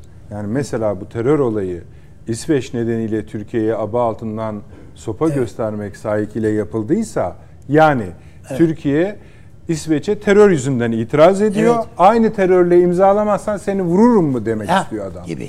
E, yani bu Yani bize bence şimdi işte tam ki sizin NATO Kur'an- metninize Kur'an-ı Kerim bunu yakmayı yasakladık. E ne yapayım yani? Yani madalya mı vereyim yani bunun için? Ne halt edersen et. Yani bir edepsizliği yapmaktan vazgeçtiğin için Bravo. sana şükran mı duymalıyız? İsveç'ten gelen şey o biliyorsunuz. Tabii, Biz tabii, tabii. yasaları değiştirdik kardeşim işte Kur'an-ı Kerim yakmayı yasakladık falan. E filan. Söylemek istediğim buydu yani. Bu önemli olduğunu düşünüyorum açıkçası. Valla şimdi Avni Bey konuşurken aklıma tam o NATO toplantısında yaptığımız programlar geldi. Orada Çok konuşulan- doğrusunuz hocam. Yani esas muhatap oradaydı. O anda. Şimdi o zaman şöyle Tabii tabii söylediniz yani. Hı. bir şey söylemiş olduğumu hatırlıyorum. Ya bu bir fırsat. Türkiye'nin onayına ihtiyaç var. Türkiye için bu fırsat şunu ifade ediyor. Bu müttefiklik ilişkisi perdelemesi arkasında dönen dolapları NATO'nun gündemine getirelim. Aynen. Almanya ile kozumuzu paylaşalım, Fransa ile, neyse İsveç'le, Amerika ile vesaire. Fakat ne oldu? Ne olduysa oldu. Bunu da tabii biraz Amerikalılar biliyorsunuz basketbol pek severler. Bizim futbolu sevdiğimiz kadar. Basketbolda biraz oynamışlığım da vardır benim. Fake diye bir şey var. Beden çalımı. Evet. Yanıltırsınız Evet. rakibinizi sağa veya sola yıkıp siz sağdan şutunuzu atarsınız. Beden çalımı yani çalım. Öyle bir çalım yedik. Ve bizi İsveç'le baş başa bıraktılar. Finlandiya ile Evet. baş başa bıraktılar. Stoltenberg'i hatırlayalım o zaman. Sanki bunun böyle orkestrasyonunu yapıyor havalarında. Hadi çocuklar girin şunu kendi aranızda halledin. Bunu nasıl açıklayacağız? Buraya kadarki süreci nasıl açıklayacağız? Şimdi karşınızda Almanya var, Amerika var, Fransa var. Az boz bir şey yok yani. Ve siz tek başınıza oraya bir dava açıyorsunuz. Bu davanın kabul edilmeyeceği kapasite farkı yüzünden anlaşılır. Yani. Neyse o odaya gelindi. Orada bir şey yapılabilirdi ki yapıldı. Yapılabilecek oydu. Kardeşim işte. Biz kendi madem- harcemizden Ha. fake yemiş olabilir miyiz hocam? Efendim? İşte artık oraları bilemeyeceğim üstadım yani. E, e bizde de kripto Amerikalılar her zaman vardır. Belki de öyle bir şey oldu bilmiyorum. Ee, hani ben iyi niyetli değerlendirip bunu biraz kapasite mukayesesiyle izah etmeye çalıştım. Orada işte iyi kötü bir yükümlülük belgesi imzalandı. O zamandan bu zamana İsveç'te yaprak kımıldamadı. Ve Amerikalılar sıra kendilerine gelince şutör pozisyonunda onlar şutu atacak çünkü hemen F-16'yı koyuverdiler. Biz de bu sefer onun rüzgarına gittik. Unuttuk. Yani o karşılıklı, bu yükümlülük belgesi İsveç'in altına imza attığı o e, Finlandiya'nın ki Finlandiya'nınki daha rahattı tabii. Bu meseleyi halledebilirlerdi. Nitekim onlara evet dedik. E, bu belgenin takibini biz yapamadık. Açık söylemek gerekir. Hemen F-16 meselesine geldi. Basın da burada, Türk basını da, Necip Türk e, matbuatı da üstüne düşen vazifeyi yaptı. Böyle şey oyunu gibi ver e, İsveç'e üyelik, al F-16'ları buraya getirdiler bizi. Hazin bir tablo. Yani bu tablo hazin bir tablo. Ee, bütün endişelerimin gerçekleşmeye yüz tuttuğunu söyleyebilirim. Şu aşamaya kadar. Ama meclisimiz bilemiyorum tabii orada takdir nasıl yapılır? Ee, temsilcilerimizin vicdan muhasebeleri neye işaret eder? Sonuçta ortaya çıkan sayısal sonuç ne ortaya koyar? Onları ben bilemiyorum. Yani dolayısıyla bu konudaki kesin hükmümü verebilmem için, kesin mizan çıkarabilmem için oylamanın sonucunu bekleyeceğim. Ama gidişatın hı hı. pek de e, Türkiye'nin lehine işlediği kanaatinde değil.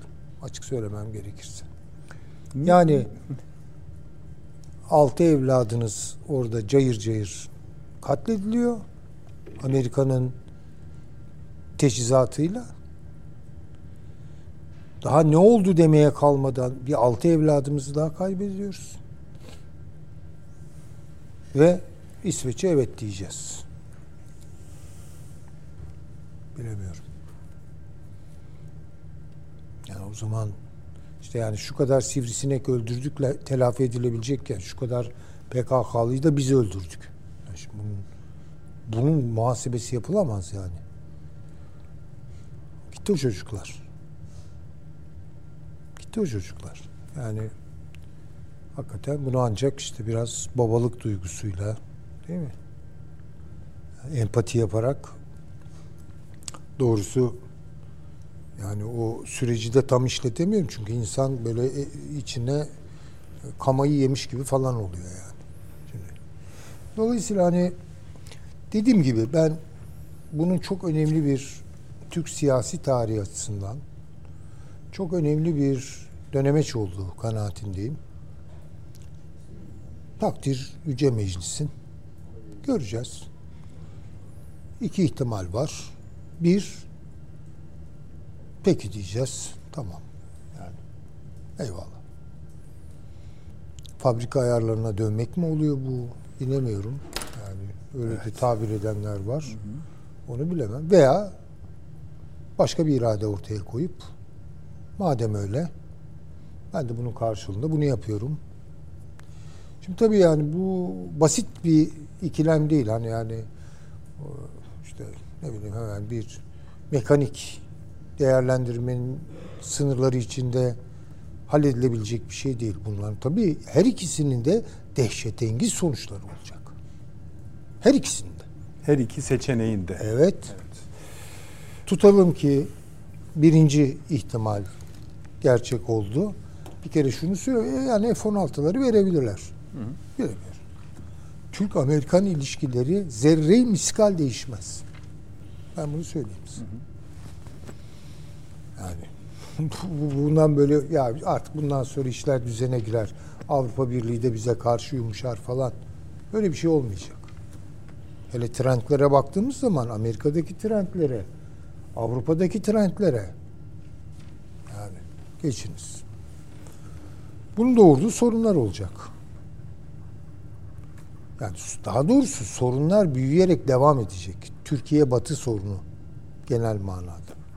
İkincisinde ne olur? İkincisinde tabii ki Türkiye'yi cezalandırmak için çok daha şiddet olacaklar.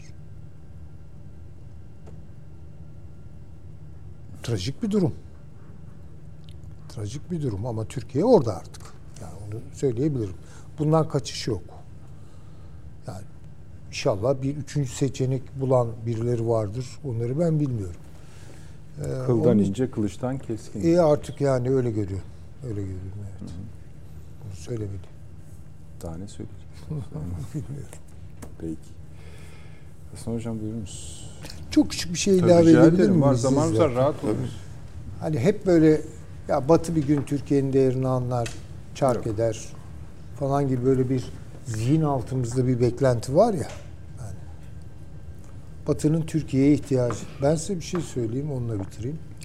Şu an Rusya'nın Türkiye'ye ihtiyacı Batı'nın Türkiye'ye ihtiyacından kat be kat daha fazla.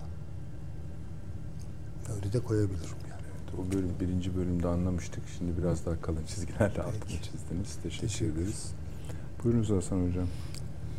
Şimdi bir şu e, haritaya bakıyorum. Onu da verelim arkadaşlar. İsveç girdikten sonra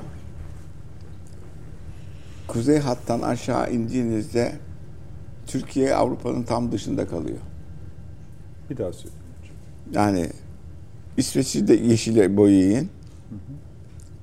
Finlandiya'da aşağı inin. Estonya, Letonya, Polonya, oradan aşağı Romanya, Yunanistan, işte Avrupa. Dışarıda kalan neresi? Türkiye ve Türk devletleri ve Rusya. Zaten Dede Ağaç'ta biz oraya aslında hani karşıya buraya karşı değil, oranın Amerikan yığınağının aslında sınır birlikleri olduğunu söylemiştik, ima etmiştik. Buraya kadar gelmiş oluyoruz. Ancak bu harita şöyle bir şey gösteriyor. Bir tartışma başlatıyor bence. Ee, işte Gürcistan, Ukrayna ve Bosna Hersek'te var Batı, Batı ile ilişkiler açısından daha turuncu duran. Ama şu anki konumuz Türkiye, İsveç olduğu için onları o aynı renkte gösterdik. İsveç'in önemi konusunda Amerika'nın bu konuya bu kadar kafasını takması konusunda sadece NATO sahibi mi var? Yani NATO, e, Finlandiya'yı aldın. Hani bak komple orası, ben de gününü görmüyorum arkadaşlar. Orası, orası tam ne renk? Lacivert mi? Orası zaten komple şeye boyanmış. la- Laciverte boyanmış. Ee, hani İsveç'te mesela diyelim 3 yıl sonra NATO'ya ne olur ki? Ya, asıl soru şu. İsveç'in bizim göremediğimiz ama Amerika Birleşik Devletleri için hassasiyet göstereceği, stratejik hassasiyet taşıyan bir yönü mü var? Şöyle iki tane Rusya'ya kıyısı olan Rusya'nın sıcak denizlere çıkışı iki bölgeden oluyor. Yukarı taraf donuyordu şimdi daha yeni yeni işte ılımanlaşıyor falan. Bir Baltık Denizi, öbürü Karadeniz. Bir de öbür te Kamçatka Yarımadası'nın altındaki bölge. E, bütün bu geniş bir alanda Rus donanması bir şey yaramıyordu. Olduğu yer buralar. Şimdi şu şu bölge içinde e, Petrograd, Moskova'nın mesafesi bu alanlara 100-150 kilometre. Buradan işte şeyde savaşan general e, isyan ettiğinde e, bir iki saat sonra Moskova'ya doğru yaklaşmaya başlamışlardı. Wagner. Ha. Ural dağlarını alın. İkinci Dünya Savaşı'nda Ural dağlarında Ural dağlarının arkasına üretimleri taşıdılar. Zaten Amerikan yardımı da oradan geldi. İkinci Dünya Savaşı'nda Rusya'ya ayaklanması, karşı harekete geçmesi için tam 8 bin tane teyyare vermiş. 8 bin teyyare. Hocam Rusya. teyyare diyen de siz kaldınız. Uçak savaş uçağı değil artık teyyare. Sayar o zamanki teyyare Güzel yani. bir kelime, evet. Savaş uçağı. Peki. Savaş uçağı vermiş. Ha, Rusya'nın ayağa kalkması, büyük kahramanlık olayları falan, giyim, kuşam, silah, cephane de İran üzerinden verilmiş. Rusya'nın ayağa kalkması o. Düşmana karşı. Şimdi birincisi bu Amerika'nın Trump'a karşı yani Demokrat Parti'nin Trump'a karşı bakın Trump dağıttı. NATO'nun beyni böyle olmayacak. Ama biz Avrupa'yı bütünüyle topluyoruz. İkincisi yeni bir alan açıldı. Arktik bölgedeki buzlar erimeye başladı. Artık bu Arktik bölgedeki Rus belgelerinde diyor ki yoğun şekilde Arktik bölgede faaliyet gösteriyorlar. Bu İzlanda ve hemen onun arkasındaki donmuş kıta içinde buzların altına kadar gömülmüş 7-8 katlı Amerikan üsleri var. Şu İzlanda'nın hemen ilerisindeki büyük orayı da ha Trump gelirse tav- tavrı değişebilir mi? Diyor ki değişmez. Bu boyutu götürür ama asıl olayı diyor Çin'e doğru götürmeye çalışacak. Şimdi umulmadık bir olay ortaya çıktı. Bu İsrail Savaşı Ukrayna'yı belki savaşa sokmayacaktı. Başka türlü halletmeye çalışacaktı. Bir de onu çıkarttılar. Ukrayna da çok önemli. Şimdi Avrupa zaten bir yorgunluğa girmiş durumda. İsveç olayın farkında değil. Belli bir nüfusuyla zaten eskiden İsveç, Norveç tek bir devletmiş. Tek bir krallıkmış. Hatta Finland, Danimarka da bu işin içinde. Danimarka başında hatta. Başında. Sonradan ayrılmışlar. Şimdi o kadar para harcayacaklar ki bu İsveç'e gittiğimizde deniz motorlarına baktık. Hani orada sayfaya yapan. Vallahi Türkiye'deki yatlar bunların 3 misli 4 misli büyüklüğünde. Yani Türkiye'nin zenginliği bunun 3-4 misli büyüklüğünde.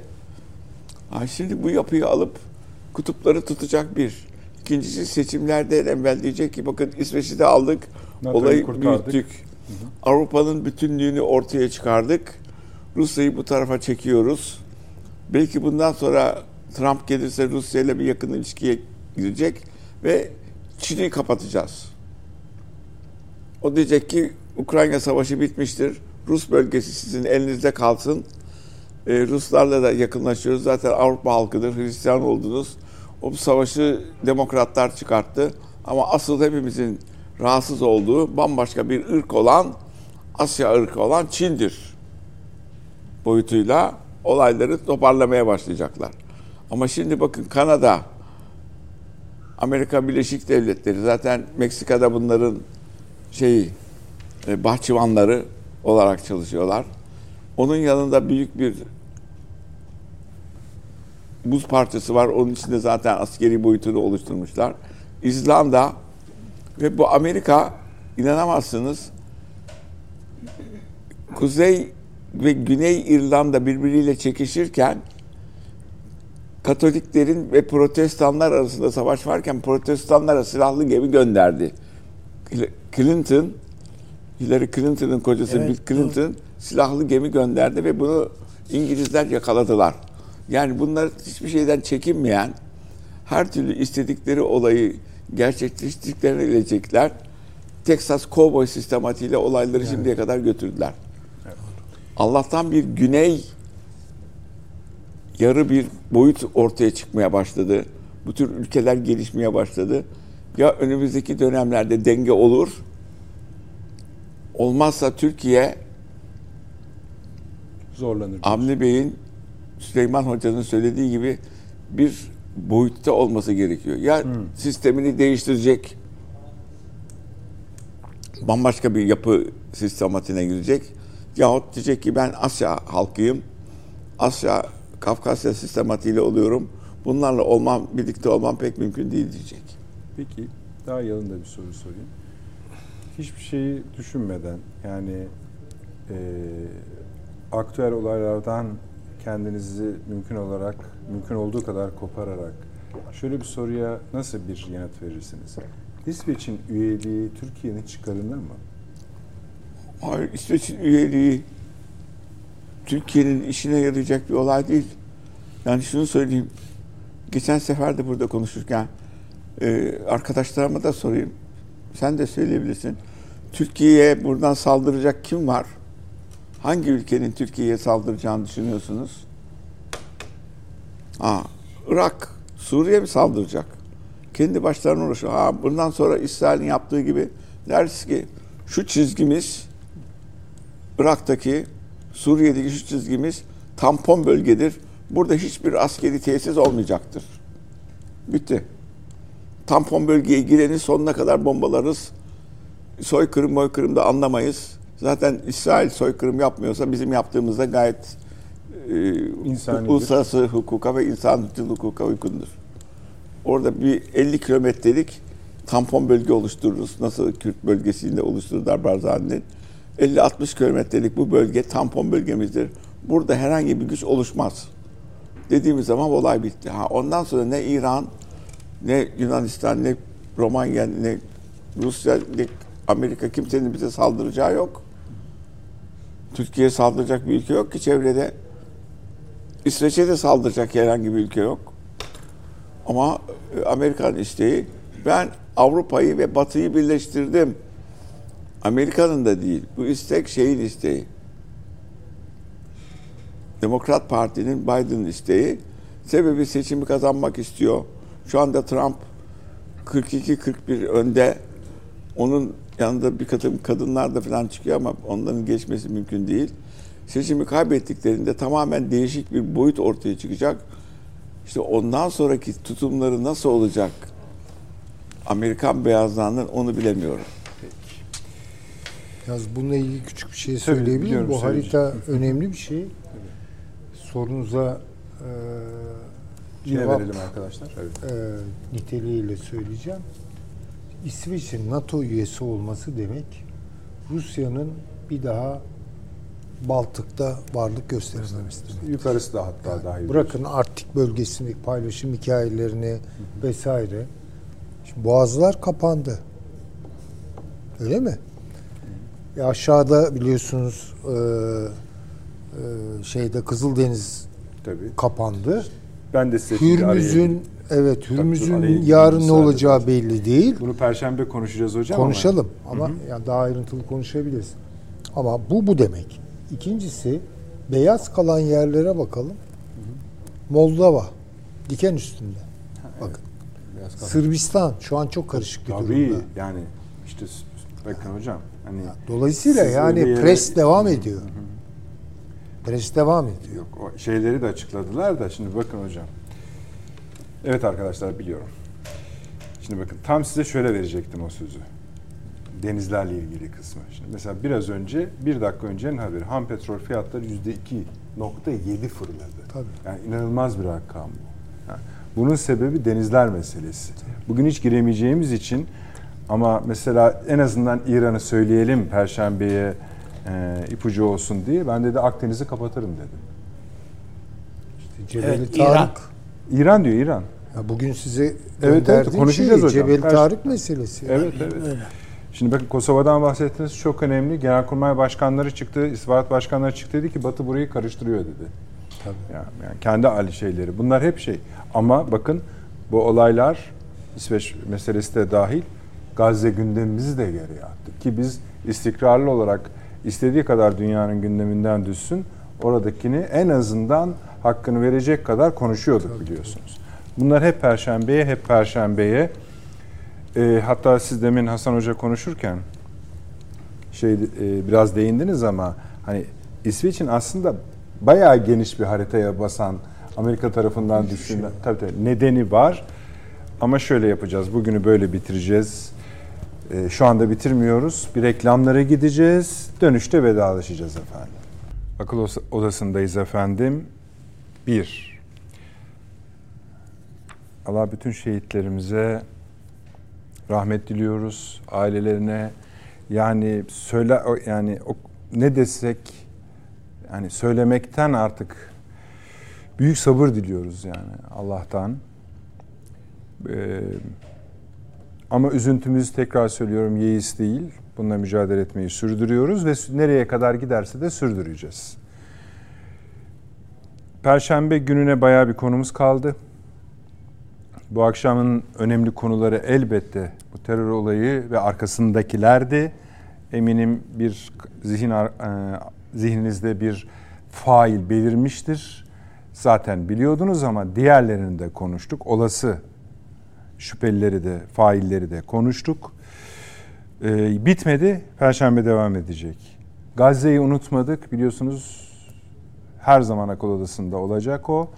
En azından son durum gibi üzerinden geçmek de değil, hakkını vererek tekrar konuşacağız. Bu ilaveten bu akşamın konularından biriydi. Bahsetmemiştik ama Perşembe'ye kaldı. Kosova'dır, Moldova'dır, şudur bir kaynama hali var ama en büyük kaynama hali suda. Denizleri konuşacağız. Çok büyüdü harita. Önemli konuları dediğim gibi başta tutarak. Çok büyüdü harita. Kuat birliklerinden bakın hiç bunlar yok. Kuat filoları, Hindistan filoları, Cebeli Tarık meselesi, İran konusu açı açı gideceğiz. Ve zaten esasında bunlar bizi çok ilgilendiriyor. Çünkü bunlar durmayacaklarını söylüyorlar. Devam edeceklerini söylüyorlar. Biz de kararımız işte Hasan Bey söyledi, Süleyman Hocam söyledi, Avni Bey eksik olmasını söyledi. Bir karar anına yaklaşıyoruz madem onların durup durmayacaklarına ilişkinde bir kanaatte varmış durumdayız esasında. Nasıl olacağını yine e, Perşembe günü hocalarımıza, büyüklerimize sorarız. Avni abi çok çok teşekkür ederim. Sağ olunuz. Teşekkür ederim hocam. Sağ Var olunuz. Hasan hocam ağzınıza sağlık. Teşekkür ederim. İyi geceler diliyoruz efendim.